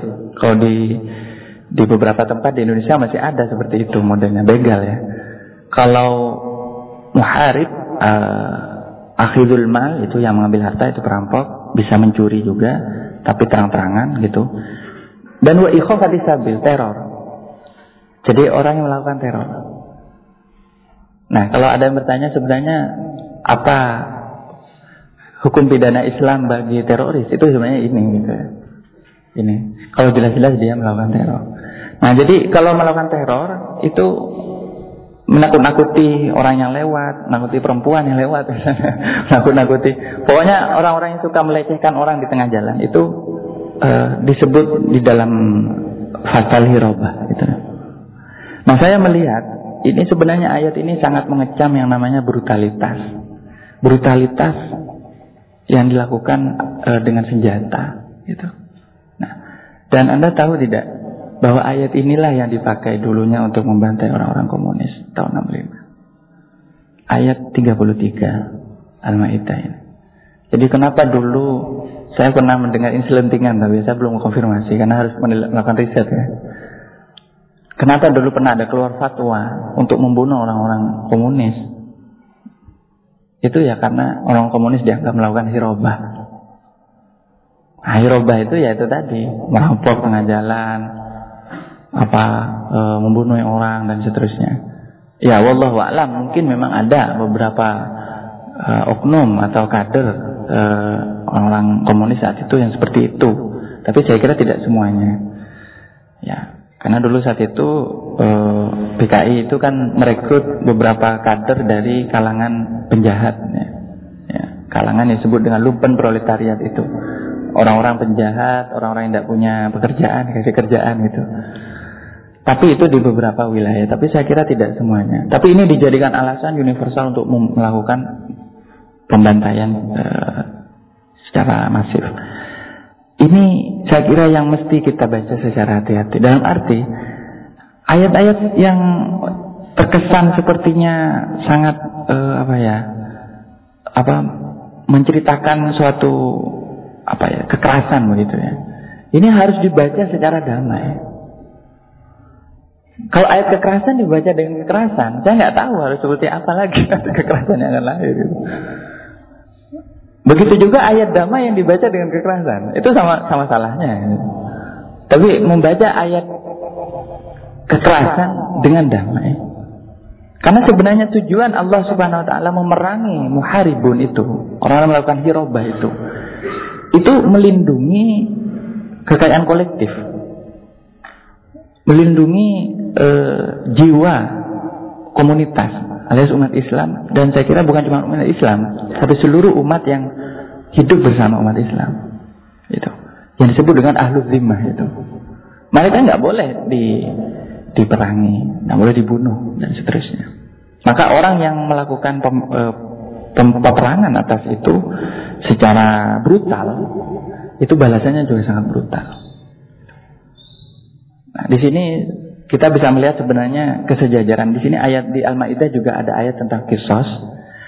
Al-kisosu fil qatla, al-hurru bil hurri wal amtu dan seterusnya. Uh, kisos itu artinya uh, apa? pidana atas pembunuhannya. Biasanya kalau nyawa dibalas nyawa, seperti itu. Tapi ini dalam ayat itu siakul kalamnya, konteks kalamnya itu adalah terkait dengan hukum pidana dari dia, e, bagi dalam syariatnya orang-orang Yahudi, gitu. Ya. Tapi kemudian para ulama ada yang istilah, apakah itu juga berlaku bagi umat Islam dan seterusnya. Tapi ada kalau ulama mazhab Syafi'i mengatakan syar umang qoblana syariat orang sebelum kita itu tetap berlaku sejauh tidak dimansuh oleh Al-Qur'an. Gitu. Tapi intinya ayat-ayat ini apa harus dibaca?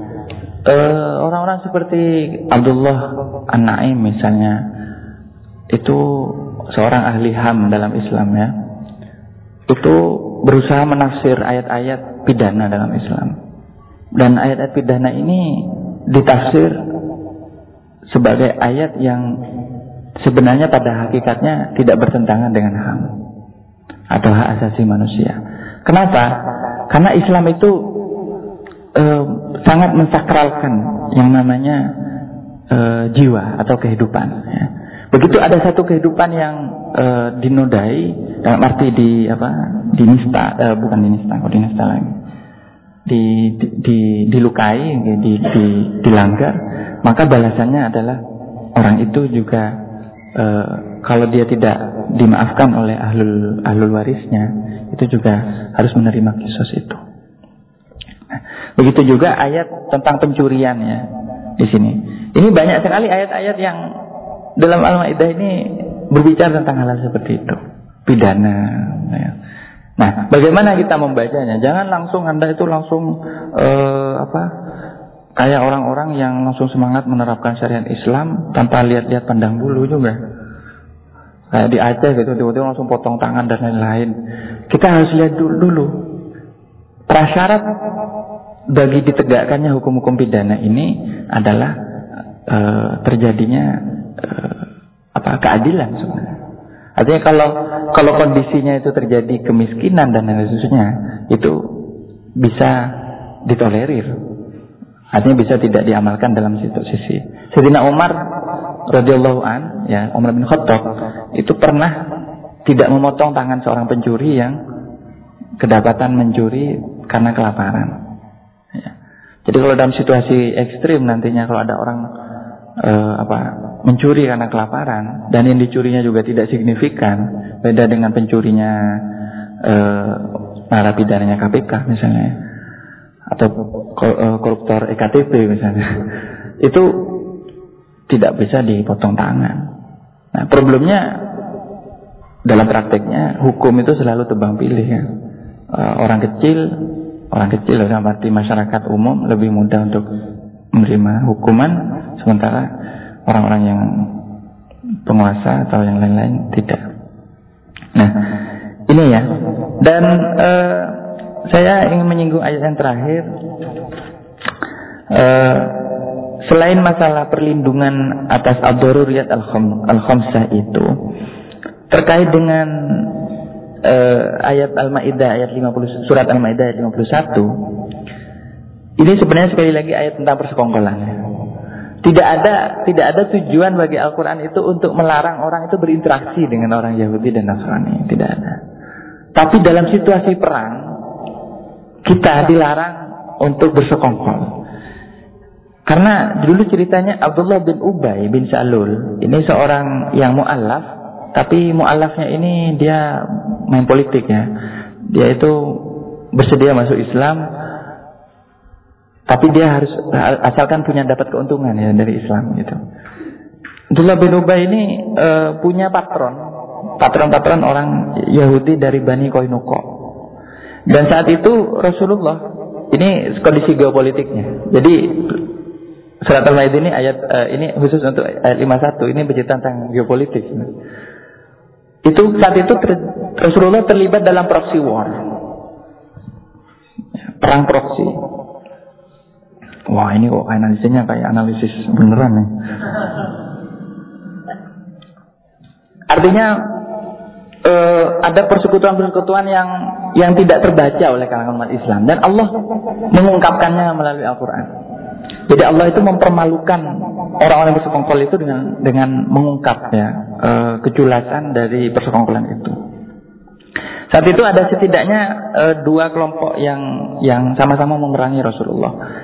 Cuman mereka bermain bermain cantik ya di depan seolah-olah beriman gitu. Tapi kemudian setelah lihat lihat situasi umat Islam agak lengah diserang gitu.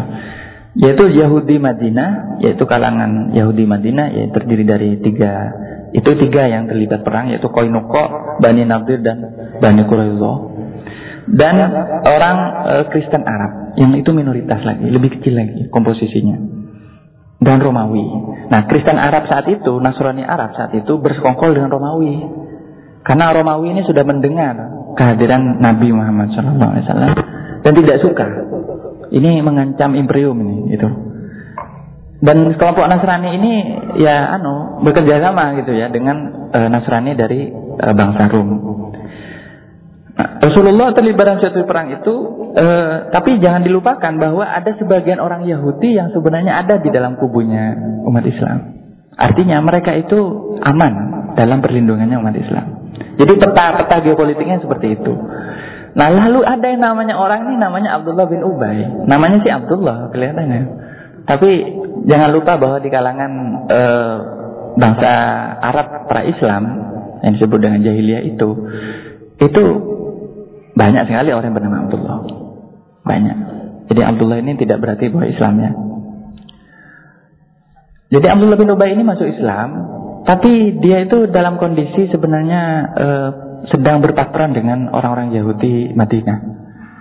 Dan dia tidak mau ada di di tengah umat Islam karena takut nantinya eh, dia kehilangan patronasenya itu. Mungkin dia mendapatkan fasilitas-fasilitas dari dari orang-orang Yahudi di Madinah itu berupa kemudahan-kemudahan ekonomi dan lain seterusnya. Nah, ketika uh, terjadi umat Islam bersiap menghadapi uh, perang, ya, itu Allah menurunkan larangan itu. Ya, jadi dalam larangan itu dinyatakan, uh, wahai orang-orang beriman, janganlah kalian menjadikan orang Yahudi dan Nasrani maksudnya maksudnya Yahudi Madinah dan Nasrani Arab saat itu sebagai teman setiamu kalau di sini. Kemudian diganti dalam uh, ini terjemahan depan ini anu ya apa kayaknya bimbang juga gitu. Kemudian diganti pemimpin kamu. Saya akan menyebutnya patron kamu. Ini tawaran alternatif dari saya. Patron. Nah, patron ini kan berarti ada hubungan subordinat sebenarnya. Umat Islam itu subordinat. Sebenarnya artinya dalam posisi tidak bebas, tidak mandiri. Ini. Nah, kok disambungkan dengan pilkada itu gimana?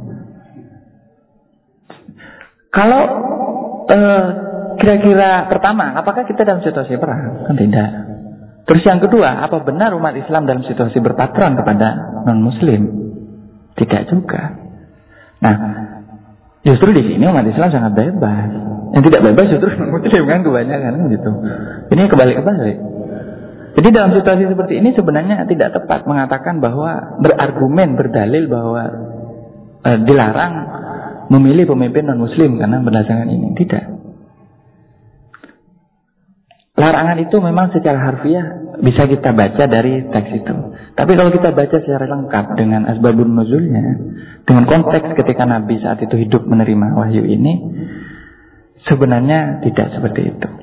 Larangan ini berlaku dalam situasi perang. Kecuali ya kalau pilkada dianggap perang. Saya tidak tahu. Nah perang itu adalah perang fisik yang memang real. Karena ada peta kekuatan yang saling uh, yang yang jelas, yang real. Artinya bukan sekadar spekulasi. Nah kalau spekulasi kan mengira-ngira konspirasi. Itu belum. Belum bisa dibilang perang. Sebenarnya dalam dalam visi ini eh, apa apa mungkin orang Yahudi pertanyaannya kan begini orang Yahudi dan Nasrani di sini disebutkan dua golongan ini golongan ini saja tapi kalau bagi saudara-saudara kita yang di Vietnam yang di India mungkin ya mungkin nggak orang Hindu kita jadikan pemimpin mungkin nggak orang apa eh, Buddha misalnya pertanyaannya kemudian apakah umat Islam dalam situasi subordinat kalau dalam situasi subordinat maka tidak boleh. Ya, tidak boleh. Karena apa? Itu bentuk penyerahan kedaulatan lah bisa dibilang seperti itu. Bentuk ketakberdayaan. Padahal bagi bagi Allah Subhanahu wa taala umat Islam itu adalah mulia. Jangan merendahkan diri di hadapan orang lain. Ya, kita ini umat yang punya martabat. Ya, bukan umat yang mudah jadi masa mengambang gitu ya. Jadi, tapi kalau kalau terpaksa itu tidak apa-apa. Tidak kalau terpaksa. Tapi kalau kalau dalam situasi apa tidak terpaksa ya itu lebih baik jangan. Ya. Apalagi dalam situasi ketika sama sentimen agama itu dipolitisasi untuk memperuncing eh, konflik sosial.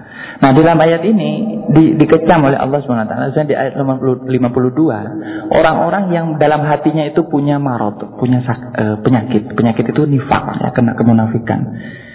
Itu mereka selalu berargumen seperti ini. Kenapa mereka berpatron kepada kalangan non Muslim dalam situasi perang?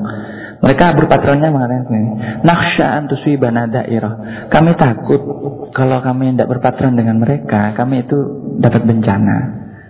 Bencana ini maksudnya sebenarnya adalah hilangnya keuntungan politik ya. Artinya keuntungan pragmatis gitu. Ya. Nah itu alasan itu palsu palsu belaka kalau bagi Allah Subhanahu Wa Taala karena sebenarnya mereka ini ibarat duri dalam selimut bagi umat Islam. Jadi uh, ada teman saya yang agak, saya agak nyeleneh pembacaannya. Dia menafsir Abdullah bin Ubay itu katanya bukan orang munafik sebenarnya gitu. Saya tidak ya begitu yakin karena di banyak literatur itu dinyatakan Abdullah bin Ubay ini memang tipenya itu uh, ya kalau angin lagi ke kanan dia ke kanan, kalau angin lagi ke kiri dia ke kiri gitu. Ya. Dan tipe-tipe penumpang gelap seperti ini nih banyak nih. Hari ini banyak banget. di di era demokrasi ini hari ini banyak sekali penumpang-penumpang gelap itu ya. Jadi kalau kalau lagi pro ke situ, pro ke situ dan seterusnya. Nah, ini bagi Allah Subhanahu wa taala bukan alasan yang bisa diterima dan Allah berjanji asallahu fa asallahu ayyata bil fathi aw min indi. Allah akan mendatangkan kemenangan bagi umat Islam. Jadi tanpa harus bersekongkol, bersekutu dengan kalangan non-muslim dalam situasi perang sekali lagi. Ya. Tapi kalau dalam situasi damai, jangan berargumen dengan ayat ini. Apalagi kalau bos anda seorang non-muslim misalnya. Ya, tapi kalau situasi perang ada itu dalam tekanan, nah itu situasi yang timpang, subordinat, maka uh, uh, ini ayat ini berlaku. Begitu juga seruan bagi orang eh, Allah Subhanahu wa taala terhadap orang beriman agar jangan mengambil pemimpin dari orang-orang yang mempermainkan agama. Nah, ini kali-kali kalau dibaca dengan kerangka penistaan ini akan sangat melegitimasi di ayat 57 misalnya dan seterusnya. Tapi kita jangan sesederhana itu ya berpikir ya. Saya kira ayat ini justru diperuntukkan bagi orang-orang provoka yang melakukan provokasi terhadap umat Islam untuk memancing e, perseteruan sosial. Dan dalam situasi ini Allah sekali lagi sangat menekankan pada perdamaian dan kalau bisa jangan berperang. Itu perang itu adalah uh, the the most apa ya? Ya the, the worst uh, solution sebenarnya lah solusi terburuk atau solusi paling akhir ketika dialog sudah tidak mungkin dilakukan. Ya. Dan yang terakhir uh, apa?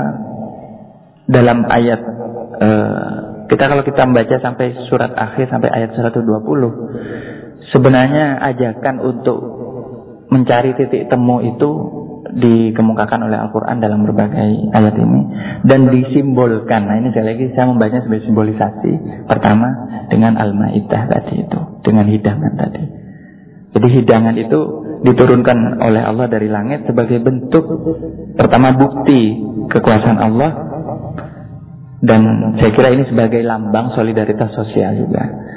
Kita tahu dulu eh, Nabi Isa itu katanya dalam menurut riwayat Israiliyat itu katanya tiap kali keluar kayak keluar daerah itu selalu di, diiringi oleh 5000 orang. Bayangkan 5000 orang berjalan bersama Nabi Isa atau Yesus alaihissalam.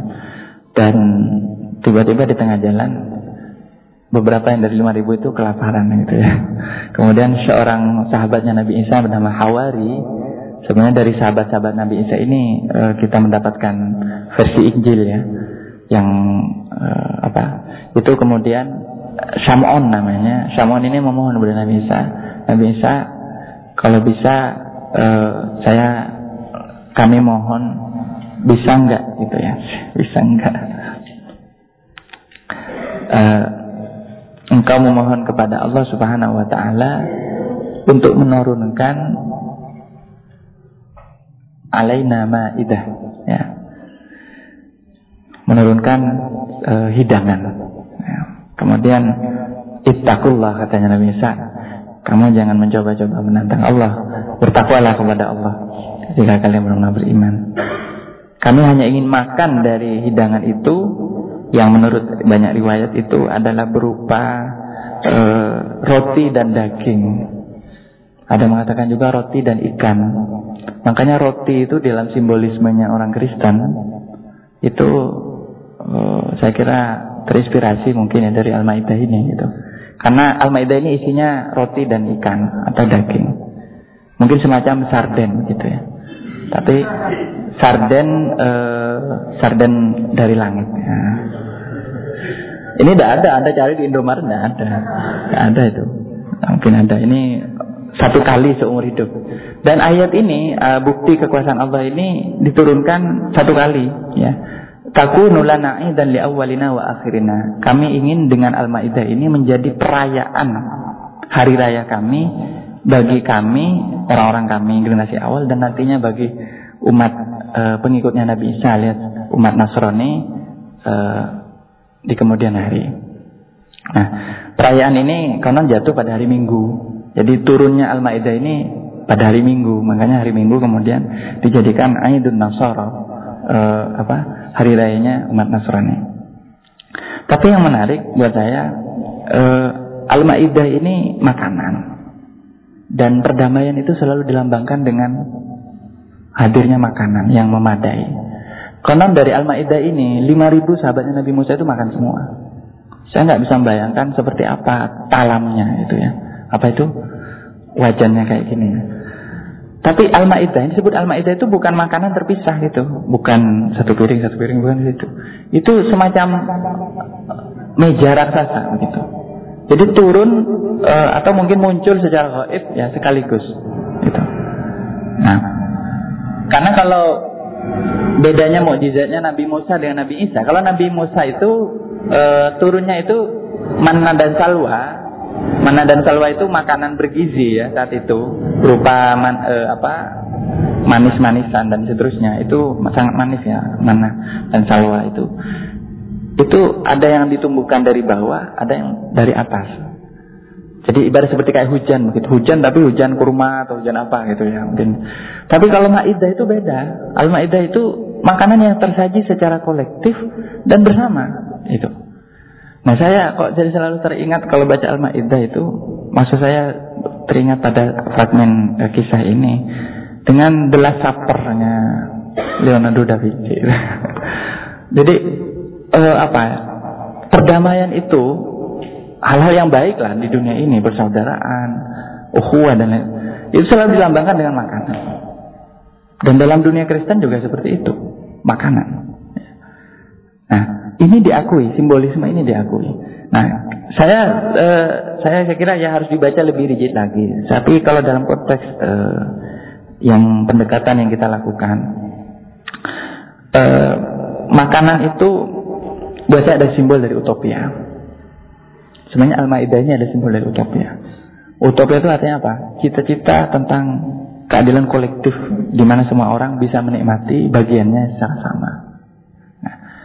Ini tentu dilambangkan dengan uh, faktor atau produk yang paling material yang menjadi bahan pokok dari kebutuhan manusia itu makanan. Ya. Makanya uh, terkait dibaca secara intertekstual dengan ayat yang di atas tentang kehalalan makanan yang tayyib, halalan tayyibah. Semuanya itu. Jadi makanan yang halal dan toyib, yang halal dan bagus.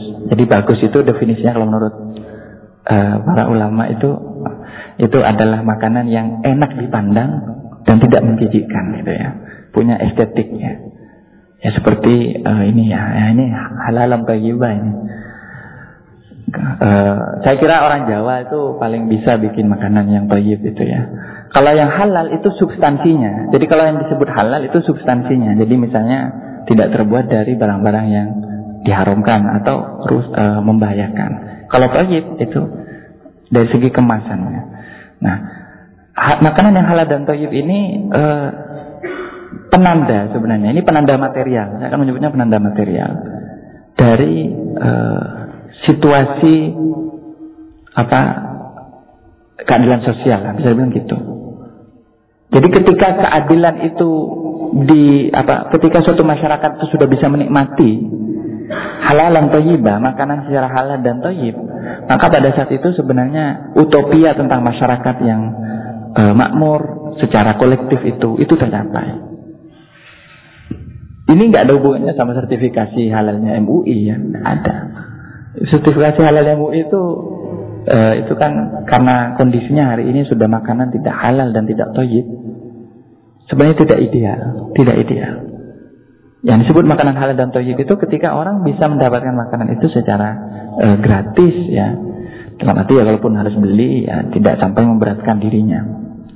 Nah, ini kalau kita baca juga tentang ayat pencurian dan lain-lain, ini semua ayat ini uh, saya kira apa uh, sangat terkait dengan situasi-situasi material di tengah masyarakat.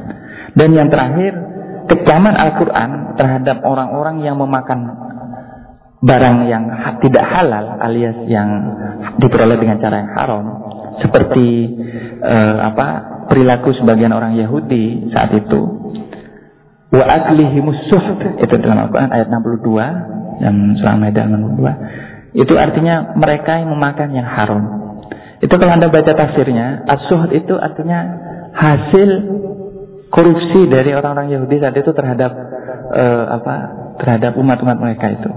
Dari hasil sogoan-sogoan setoran-setoran di biara, ya, setoran-setoran di sinagoga itu.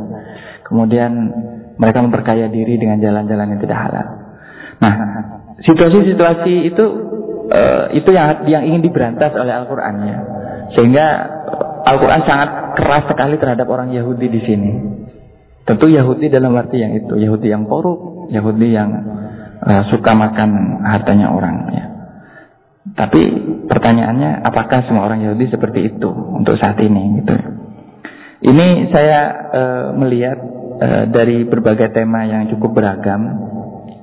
Sebenarnya uh, ayat ini uh, saya kira berbicara tentang satu utopia ya, utopia tentang perdamaian yang tentu prasyarat-prasyaratnya adalah e, banyak sekali.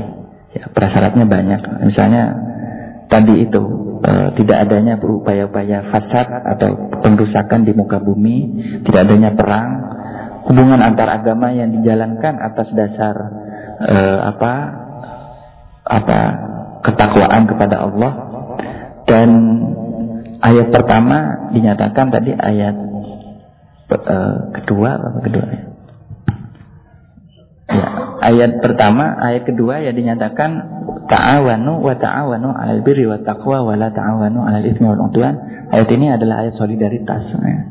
dan tolong menolong kalian dalam kebaikan dan ketakwaan dan janganlah kalian tolong menolong dalam permusuhan dan dosa dan permusuhan ini khitab antum kalian di dalam ayat ini ini saya kira harus dibaca secara holistik dalam kaitannya juga dengan antar agama.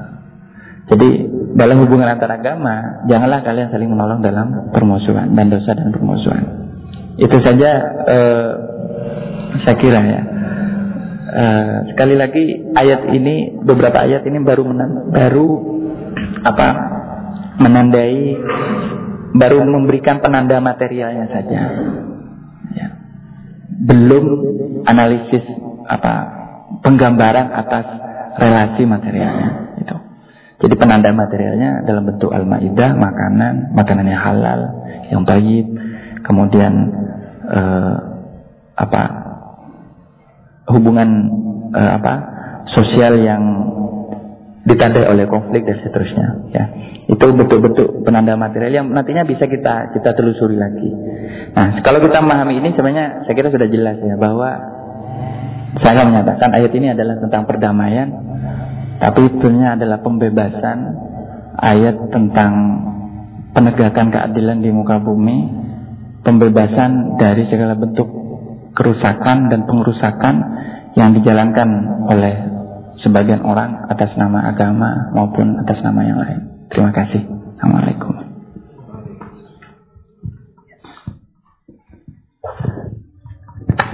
Terima kasih, Gus Bayat. Silahkan kalau ada yang ingin menanggapi atau ingin bertanya terkait dengan apa tadi yang sudah disampaikan oleh Gus Bayat. Monggo hidangannya dinikmati. Kalau misalkan belum kebagian ya ini artikan sebagai mempraktekkan apa yang tadi sudah disampaikan oleh Gus niatnya secara kolektif ya, maknanya oh iya monggo ada yang ingin berpendapat bertanya atau menambah apa yang sudah tadi diuraikan oleh Gus Fayat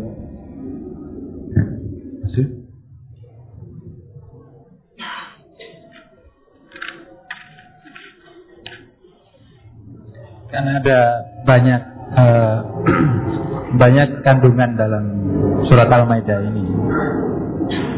Tapi yang yang terakhir tadi yang disebut oleh Gus Fayat ini ya sebagai penanda material tentang uh, dengan hadirnya makanan dan lain seterusnya itu. Tapi tadi juga Gus Fayat menyebut ini adalah apa ya utopia di di di sini. Kira-kira utopia ini dalam konteks uh, ketika ayat ini turun atau ketika ayat ini dibaca sekarang dengan uh, makna-makna tadi yang sudah disampaikan oleh Gus Fayat itu yang kemudian menjadi utopia. Ini utopia sekarang kita membaca dari konteks ayat ini atau memang sejak dulu ini memang sudah utopia kalau uh, memandang dari yang tadi Gus Fayat sampaikan tadi. Saya memahami utopia itu bukan suatu hal yang apa tidak mungkin dicapai. Ya. Ada orang memahami utopia itu sesuatu yang mustahil dicapai, suatu impian yang sia-sia tentang masa depan yang indah, yang ideal dan seterusnya. Tidak seperti itu. Maksud saya utopia itu adalah suatu, jadi ini harus dibaca secara terbalik ya. Harus dibaca terbalik ini ayat-ayat tentang kekerasan dan beberapa tentang tentang perang di dalam Al-Maidah ini. Ayat-ayat yang buat saya lebih dari sekadar polemik sebenarnya, tapi suatu bentuk apa e, mungkin kecaman terbuka Allah Subhanahu wa taala terhadap perilaku sebagian hamba Allah ya di muka bumi ini. Itu harus dibaca bahwa Islam itu ingin sebenarnya eh, hal-hal seperti itu tuh tidak tidak tidak apa tidak terjadi terus menerus begitu. Seandainya itu harus berhenti, harus bisa diakhiri, itu harus mungkin diakhiri, itu harus diakhiri. Karena itu tadi, kullama awqadu lil harbi Allah. Ini sangat sangat eksplisit sekali. Setiap kali mereka menyalakan api untuk peperangan, orang-orang ahlul kitab itu yang apa yang memusuhi Nabi saat itu, ya yang kufur sebagiannya ya. itu Allah me memadamkannya. Artinya Allah subhanahu wa taala sebenarnya tidak tidak suka dengan perang. Apalagi dalam hal ini yang disorot adalah perang antar agama. Sebenarnya pertanyaannya tragedi umat beragama itu sampai bisa jatuh ke dalam perang antar agama itu dari mana asalnya? Apakah itu mendapatkan justifikasinya di dalam kitab suci? Kalau kita masuk ke dalam uh, konteks ayat surat-surat Al-Maidah khususnya ya. Saya belum membaca dari surat-surat yang lain ya. Perang antar agama itu tidak pernah dianjurkan Karena pada dasarnya seandainya jelas Allah itu menginginkan peperangan, maka Allah secara terus terang akan menyatakan seluruh orang Yahudi, orang Nasrani dibunuh misalnya. Seluruh orang musyrik wajib dibunuh dan seterusnya. Ketika kita telusuri perintah-perintah perang itu sangat kasuistik, tidak universal. Ini bacaan saya. Nah ini yang kemudian secara salah ya dijadikan legitimasi bahwa perang itu universal. Nah saya ingin berangkat dari satu prinsip dasar sosialisme sebenarnya bahwa sosialisme itu menjadikan perang itu uh, apa perkecualian, prinsip uh, apa pengecualian saja.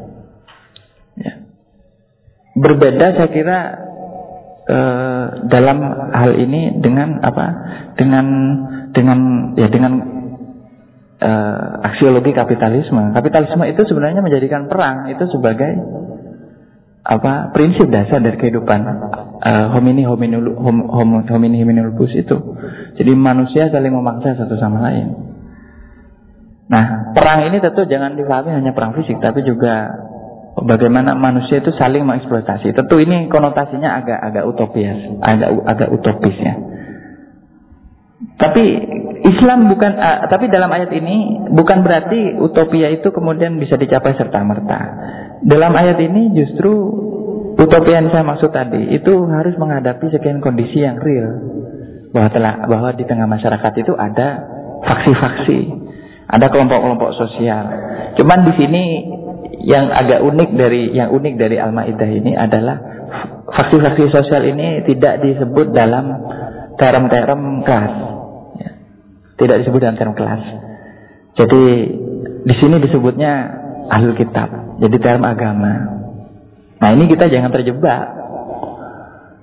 Nah kalau sorotan sekali lagi kritik Allah Subhanahu Wa Taala atas perilaku itu sebenarnya adalah lebih menyoroti perilakunya ya, bukan kepada identitasnya. Ya. Kalau Allah tidak suka dengan identitas mereka ya sudah pasti ahlul kitab itu tidak disebut ahlul kitab. Padahal ahlul kitab itu bentuk pemuliaan Allah terhadap Eh, orang-orang Yahudi dan Nasrani yang beriman tentunya, yang mengakui kitabnya. Nah, dan mengakui Al-Quran juga sebagai kitab mereka. Nah, jadi memang tidak pakai term kelas. Saya baru menemukan satu kali uh, satu ayat yang di nomor ayat 22 dari Al-Maidah ini. Ini kisah lagi-lagi melalui kisah ya. Ketika Nabi Musa itu memerintahkan kepada kaumnya untuk e, masuk ke tanah kudus, ke tanah suci di Palestina, ya, karena sudah dijanjikan kemenangan di sana. Tapi masuk itu tidak gratis ya, ya. Masuk itu kemudian artinya mereka harus berjihad, harus perang.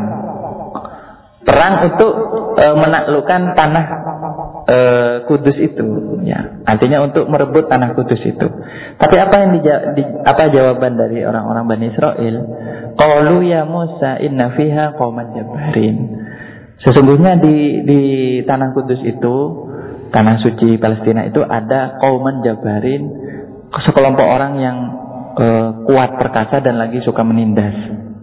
Yang itu yang disebut dengan suku Kanan itu. Nah di sini istilah kauman jabarin eh, bisa punya konotasi eh, apa kelas bisa. Bisa juga punya konotasi fisik saja. Artinya orang yang sangat kuat yang hebat dalam berperang dan kalau kita melawan mereka pasti kalah gitu ya. Nah kemudian Allah mewahyukan kalian pasti menang kalau berperang dengan mereka. Cuman orang-orang Bani Israel enggan untuk berjihad. Jadi ini kritik atas kemalasan di dalam berjihad itu. Nah sekali lagi jihad dalam pengertian apa yang dimaksud? Adalah jihad melawan Jabarin, kaum Jabarin melawan orang-orang yang uh, menindas itu. Nah ini aspek pembebasannya saya kira. Jadi kalau kalau melawan melawan mereka itu harus terus gitu, itu. Jadi mereka berdalih uh, Qalu ya Musa inna lan nadkhulaha abada. Kami nggak mau masuk, takut ah gitu ya. Ini takut ini kalau menghadapi mereka kita dihabisin. Allah sudah menjanjikan kemenangan bagi orang-orang itu. Nah, jadi e, mengakui bahwa itu kondisi itu tidak serta merta. Dan ada satu ayat ayat 16 dari Al-Maidah ini yang konon katanya menginspirasi siapa? Raden Ajeng Kartini ya. untuk menuliskan buku uh, habis habis apa? Habis gelap terbitlah terbitlah gelap lagi ya.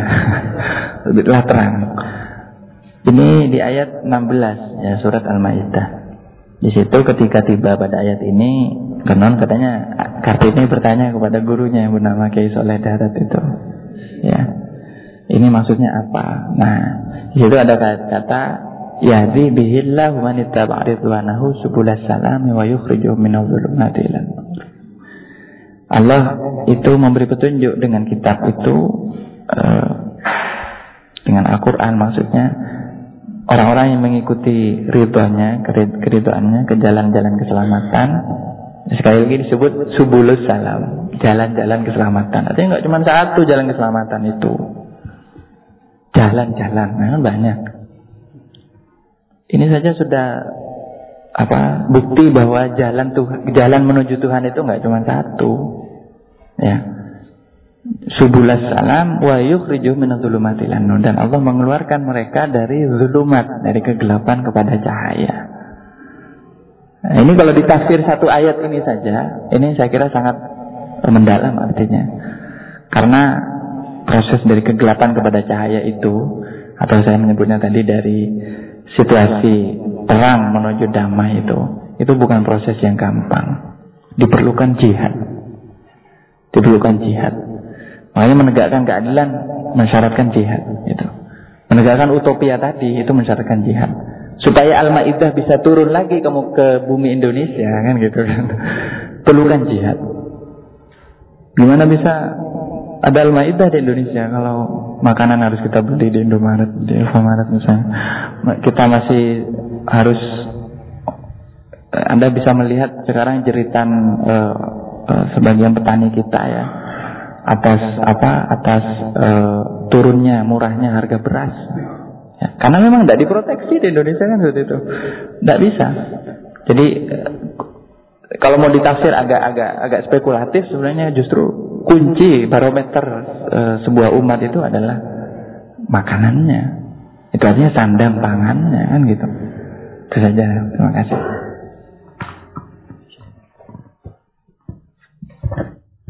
Ada? Ya, ya mas.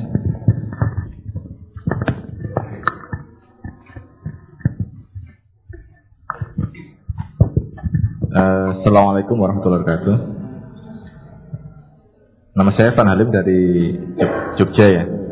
Tadi Gus Fayat uh, uh, sempat mengutip dari Asyatibi ya tadi. Ya. Uh, lima kewajiban menjaga primer dalam kehidupan. Kemudian uh, dihubungkan sejak uh, dengan apa uh, penafsiran Al-Maidah secara kolektif begitu.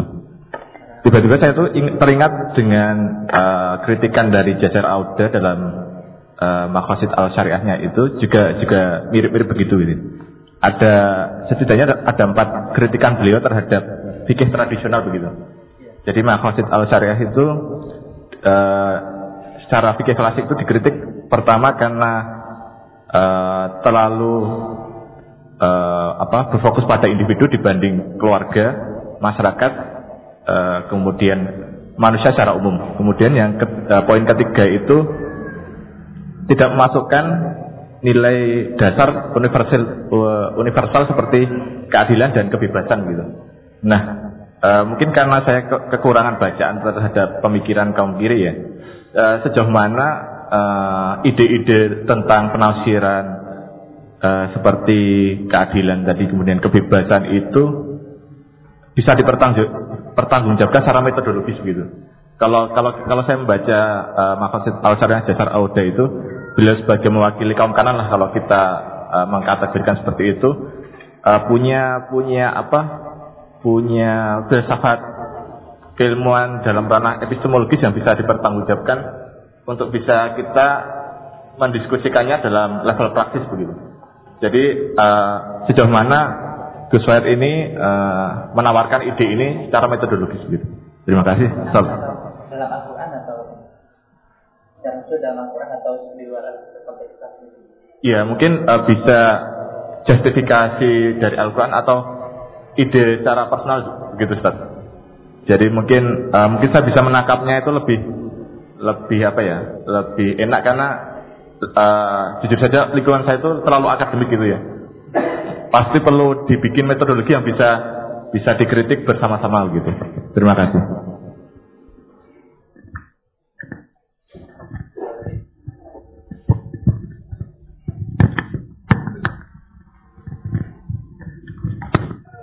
Saya eh, terima kasih atas pertanyaannya.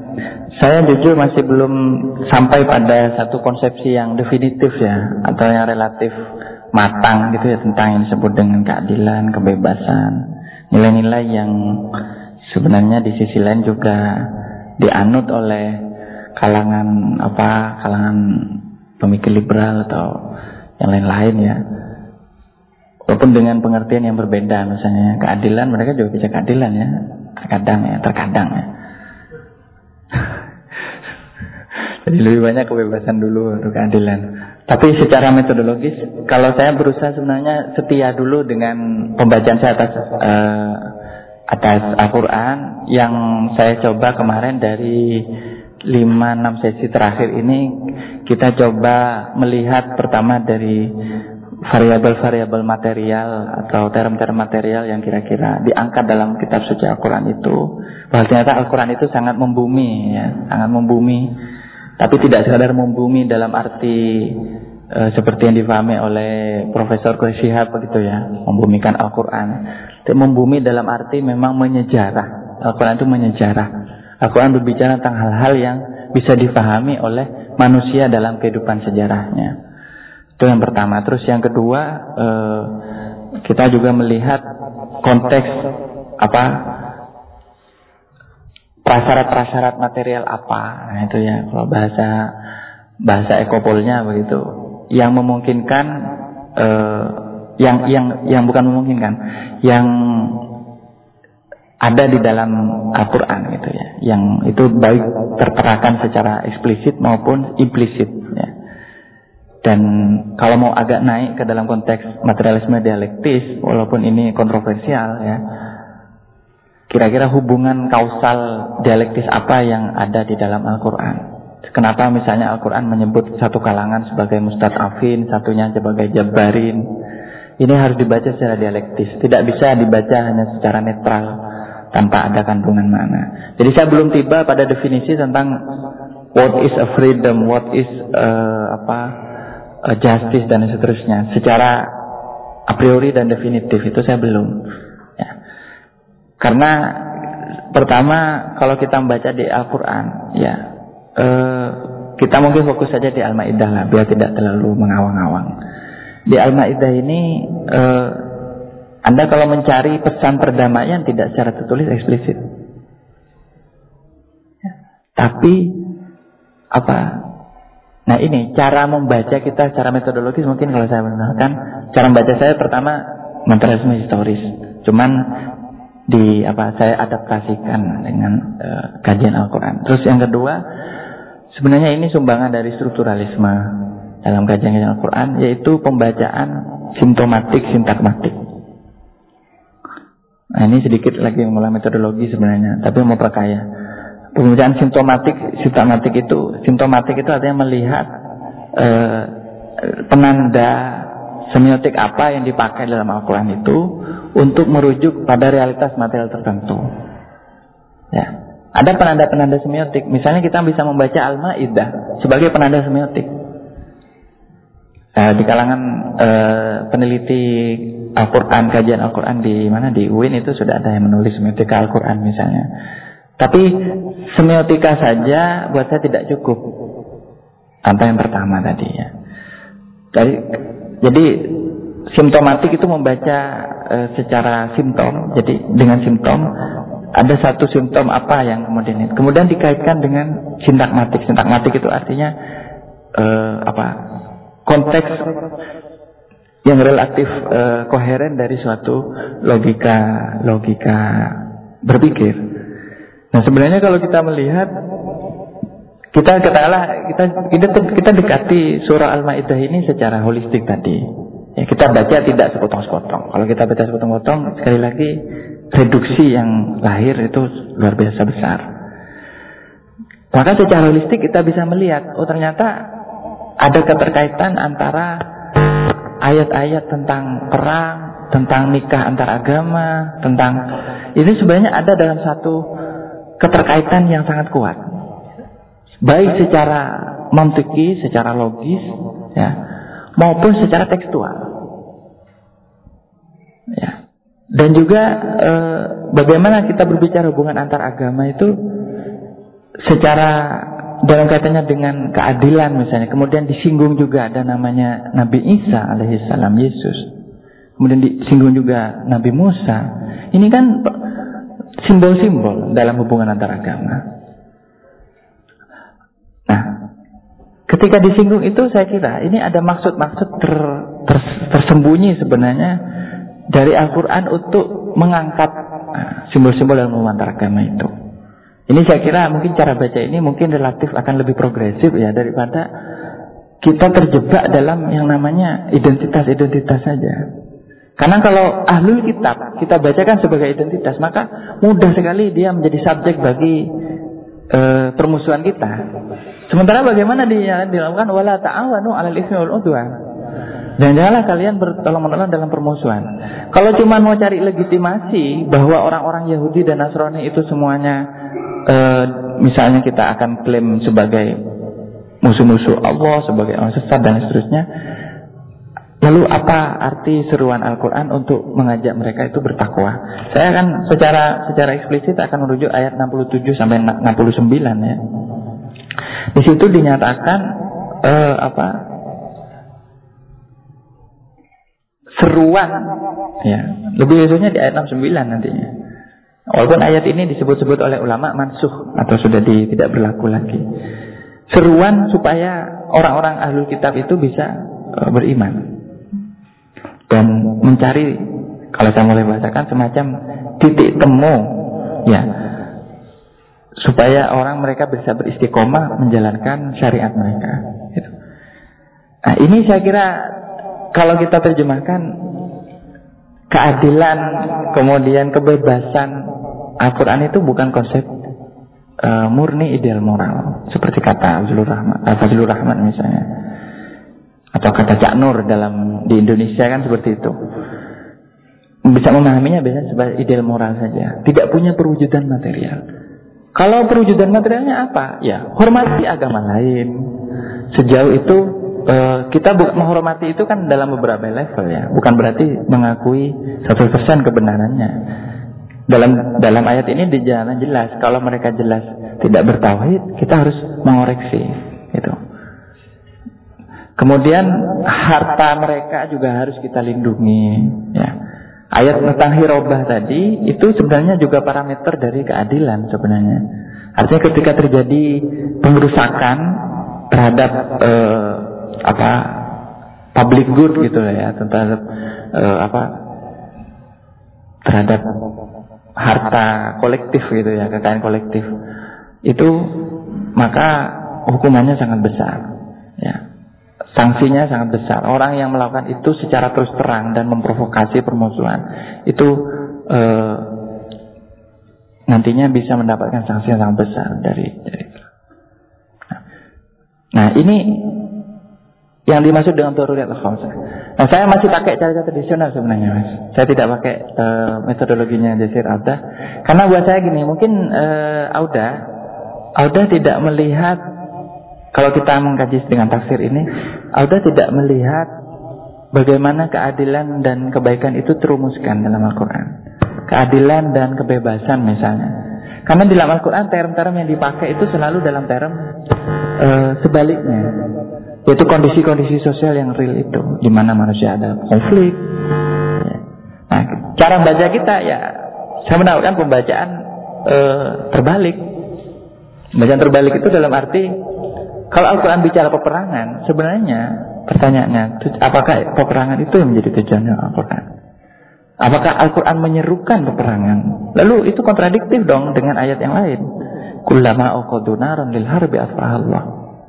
Loh, terus bagaimana? Allah di satu sisi katanya menginginkan perang, tapi kok di sisi lain memadamkan perang. Nah, maka melihat kontradiksi itu tentu harus ada yang dibaca bahwa peperangan ini sebenarnya menegakkan untuk kemaslahatan tadi. Artinya perang itu bukan perang itu sendiri sebagai satu tujuan. Ya.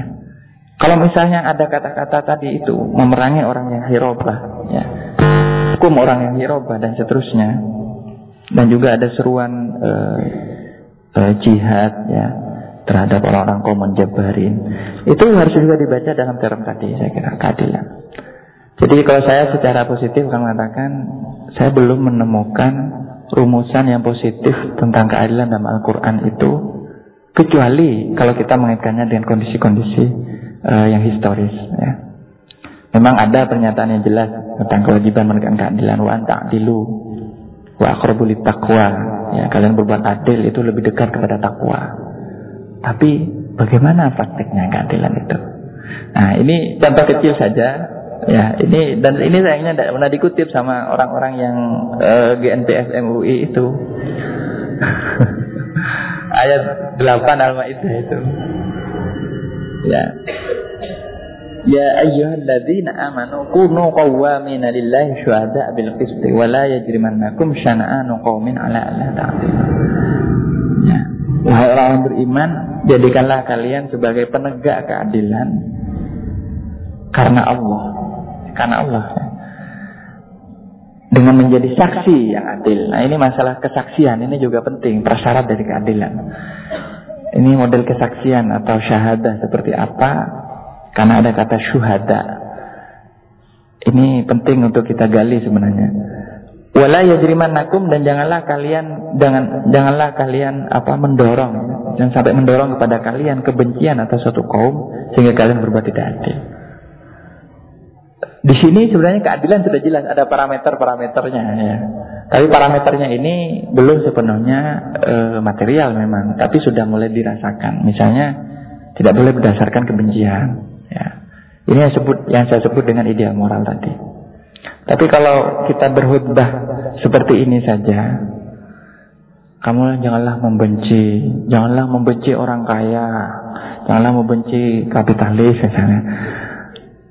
Tapi terus menerus dieksploitasi kan, itu kan berarti kan ada yang miss, ada yang miss. Maka problem ideal moral seperti ini harus kita lengkapi dengan uh, pendekatan untuk memahami prasyarat-prasyarat materialnya. Nah, prasyarat materialnya sekali lagi bisa di kebencian itu uh, apa tidak sah ya uh, atas dasar apa pun misalnya termasuk atas dasar identitas ya, dan lain-lain. Kecuali kalau misalnya kita dalam situasi dizalimi. Dalam ayat yang lain tapi ini bukan al-maidah. Wala udwana illa ala zalimin. Tidak ada permusuhan kecuali terhadap orang yang zalim.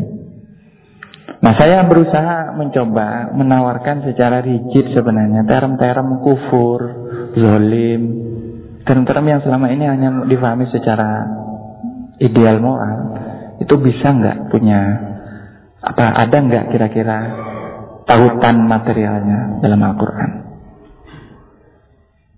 Ya, karena kemudian mudah sekali term-term ini dikenakan kepada mereka yang tidak kita sukai. Pokoknya kalau kita sudah nggak suka dengan orang kita mengatakan kafir lo, gitu. Lo kafir, awas lo masuk neraka misalnya. Tapi kita tidak pernah mengatakan itu kepada orang misalnya yang jelas-jelas misalnya e, merusak alam, ya, dan seterusnya misalnya.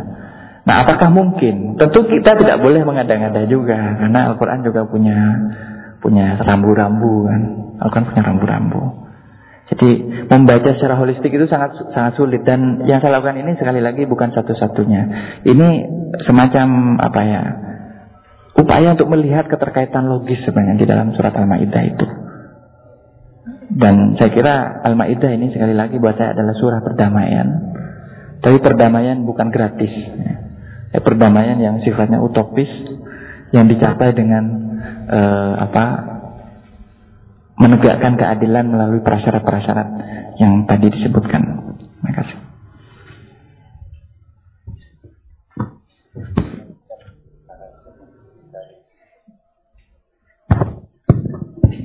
Oke, terima kasih. Uh, mungkin kalau secara formal kita akhiri dulu uh, ngaji kita malam hari ini. Misalkan kalau ada ingin bertanya ataupun diskusi lebih lanjut, kalau kesempatan masih ada waktu, monggo. Paling tidak uh, secara garis besar dari ngaji kita malam hari ini, ya Al-Maidah ini tidak di tidak dimanai secara simplistik lagi, tapi kita sudah bisa melihat bahwa banyak hal yang dibicarakan dalam Al-Maidah. Dan tentunya hidangan itu tidak bisa kita baca secara letterlek, tapi juga kita beli bisa melihat dalam uh, apa tampilan materialnya bagaimana ketika ayat itu turun ataupun berbicara tentang sesuatu Tuhan. Uh, sebagai informasi, kalau untuk kajian di Masjid Jenderal Sudirman masih menyisakan dua minggu lagi sebelum memasuki puasa. Puasa itu gantian, takmirnya itu baru ngaji, jadi libur ngaji. Ada ngaji filsafat Rabu malam Kamis besok dan Rabu malam Kamis minggu sebelum puasa. Untuk teman-teman silahkan hadir bagi yang ingin hadir waktunya setelah Isya. Uh, terima kasih atas kehadirannya. Terima kasih Gus Fayat yang sudah banyak memberikan ilmunya kepada kita. Mari kita akhiri ngaji malam kita hari ini dengan sama-sama membaca Alhamdulillah. Alhamdulillahirabbil alamin. Kurang dan lebihnya saya mohon maaf. Akhiri Assalamualaikum warahmatullahi wabarakatuh.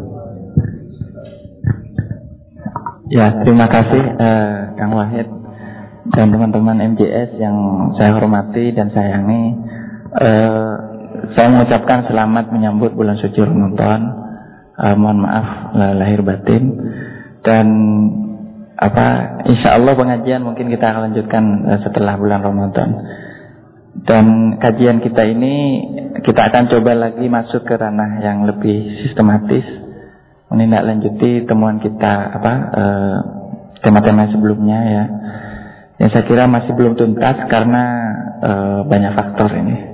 Ini sebenarnya sebagai pemberitahuan e, apa yang kita lakukan ini dari setahun kemarin ya. Ini merupakan bagian dari kerja sebenarnya kerja jangka panjang ya. E, mungkin semacam proyek kolektif begitu untuk e, membaca Al-Quran dengan pendekatan tafsir sosial, ya. Ya, tafsir sosial. Dan Anda boleh uh, mengcopy paste atau menggandakan ini. Ini tidak ada copyrightnya. tidak ada copyrightnya. Jadi boleh saja nanti Anda kembangkan dengan ijtihad Anda. Dan saya berharap kalau bisa Anda juga ikut ikut mempresentasikan gagasan Anda di sini. Mungkin Anda menemukan pembacaan-pembacaan yang lain. Semangatnya tidak lain kita jadikan Al-Quran ini menjadi petunjuk bagi kehidupan kita. Ya. Kalau petunjuk maka Al-Quran juga harus ya kita bisa angkat dalam untuk membaca kenyataan kita hari ini. Ya. Saya tidak punya ambisi untuk seperti misalnya melakukan yang dilakukan oleh Kunto Wijoyo ya, seorang intelektual muslim kita. Uh, Pak Kunto misalnya punya ambisi menjadikan apa membentuk yang namanya ilmu sosial profetik gitu ya. Kalau buat saya sebelum profetik ilmu sosial itu harus punya watak pembebasan. Tapi untuk itu saya kira sia-sia kita berkuar-kuar tentang uh, ilmu sosial Islami atau sosiologi Islam yang profetik. Kalau membaca Al-Quran saja kita tidak bisa. Dalam arti menggali pesan-pesan pembebasan dalam Al-Quran. Dan bukan cuma pesannya, tapi keterkaitan di antara ayat itu secara zahir maupun uh, secara batin gitu ya. Secara zahir itu maksudnya yang eksplisit maupun yang implisit. Seperti tantangan saya tadi, bisa nggak kita menemukan teori sosial dalam Al-Quran tentang konflik? Ya, asal usul konflik dalam masyarakat. Karena di mana di situ wilayahnya Tuhan, di mana di situ wilayahnya manusia misalnya. Nah, keterkaitan ini harus kita temukan. Nah, orang yang tidak bisa membaca e, dalam arti menangkap pesan e, hal-hal seperti ini tentu tidak akan bisa menjadikan Al-Quran sebagai petunjuk ini. Dan ini saya kira Malaysia ya, Malaysia itu kemunduran umat Islam hari ini. Ya. Uh, saya berharap kalau misalnya ada sumbangan-sumbangan gagasan, pembacaan, syukur-syukur dalam bentuk makalah, kita akan presentasikan di sini. Ini forum bagi Anda para peminat dan pengkaji Al-Quran. Dan uh, insya Allah kita akan coba mencari lagi perspektif yang lebih menyeluruh ya tentang persoalan ini. Tentu tanpa meninggalkan metodologi yang sudah kita pilih, ya, yang sudah saya pilih dari awal itu. Itu saja, terima kasih. Uh, entah mudah-mudahan ini proyek ini segera kelar dan segera bisa ditulis. Karena sudah dipinang oleh sebuah penerbit sebenarnya. ya. Insya Allah kalau jadi ya kita nanti ya itu saja dari saya. Terima kasih. Uh, selamat Ramadan. Allahumma barik lana fi Ramadan. Allahumma barik lana fi Sya'ban wa balighna Ramadan. Hadanallahu yakum ajma'in. Assalamualaikum warahmatullahi wabarakatuh.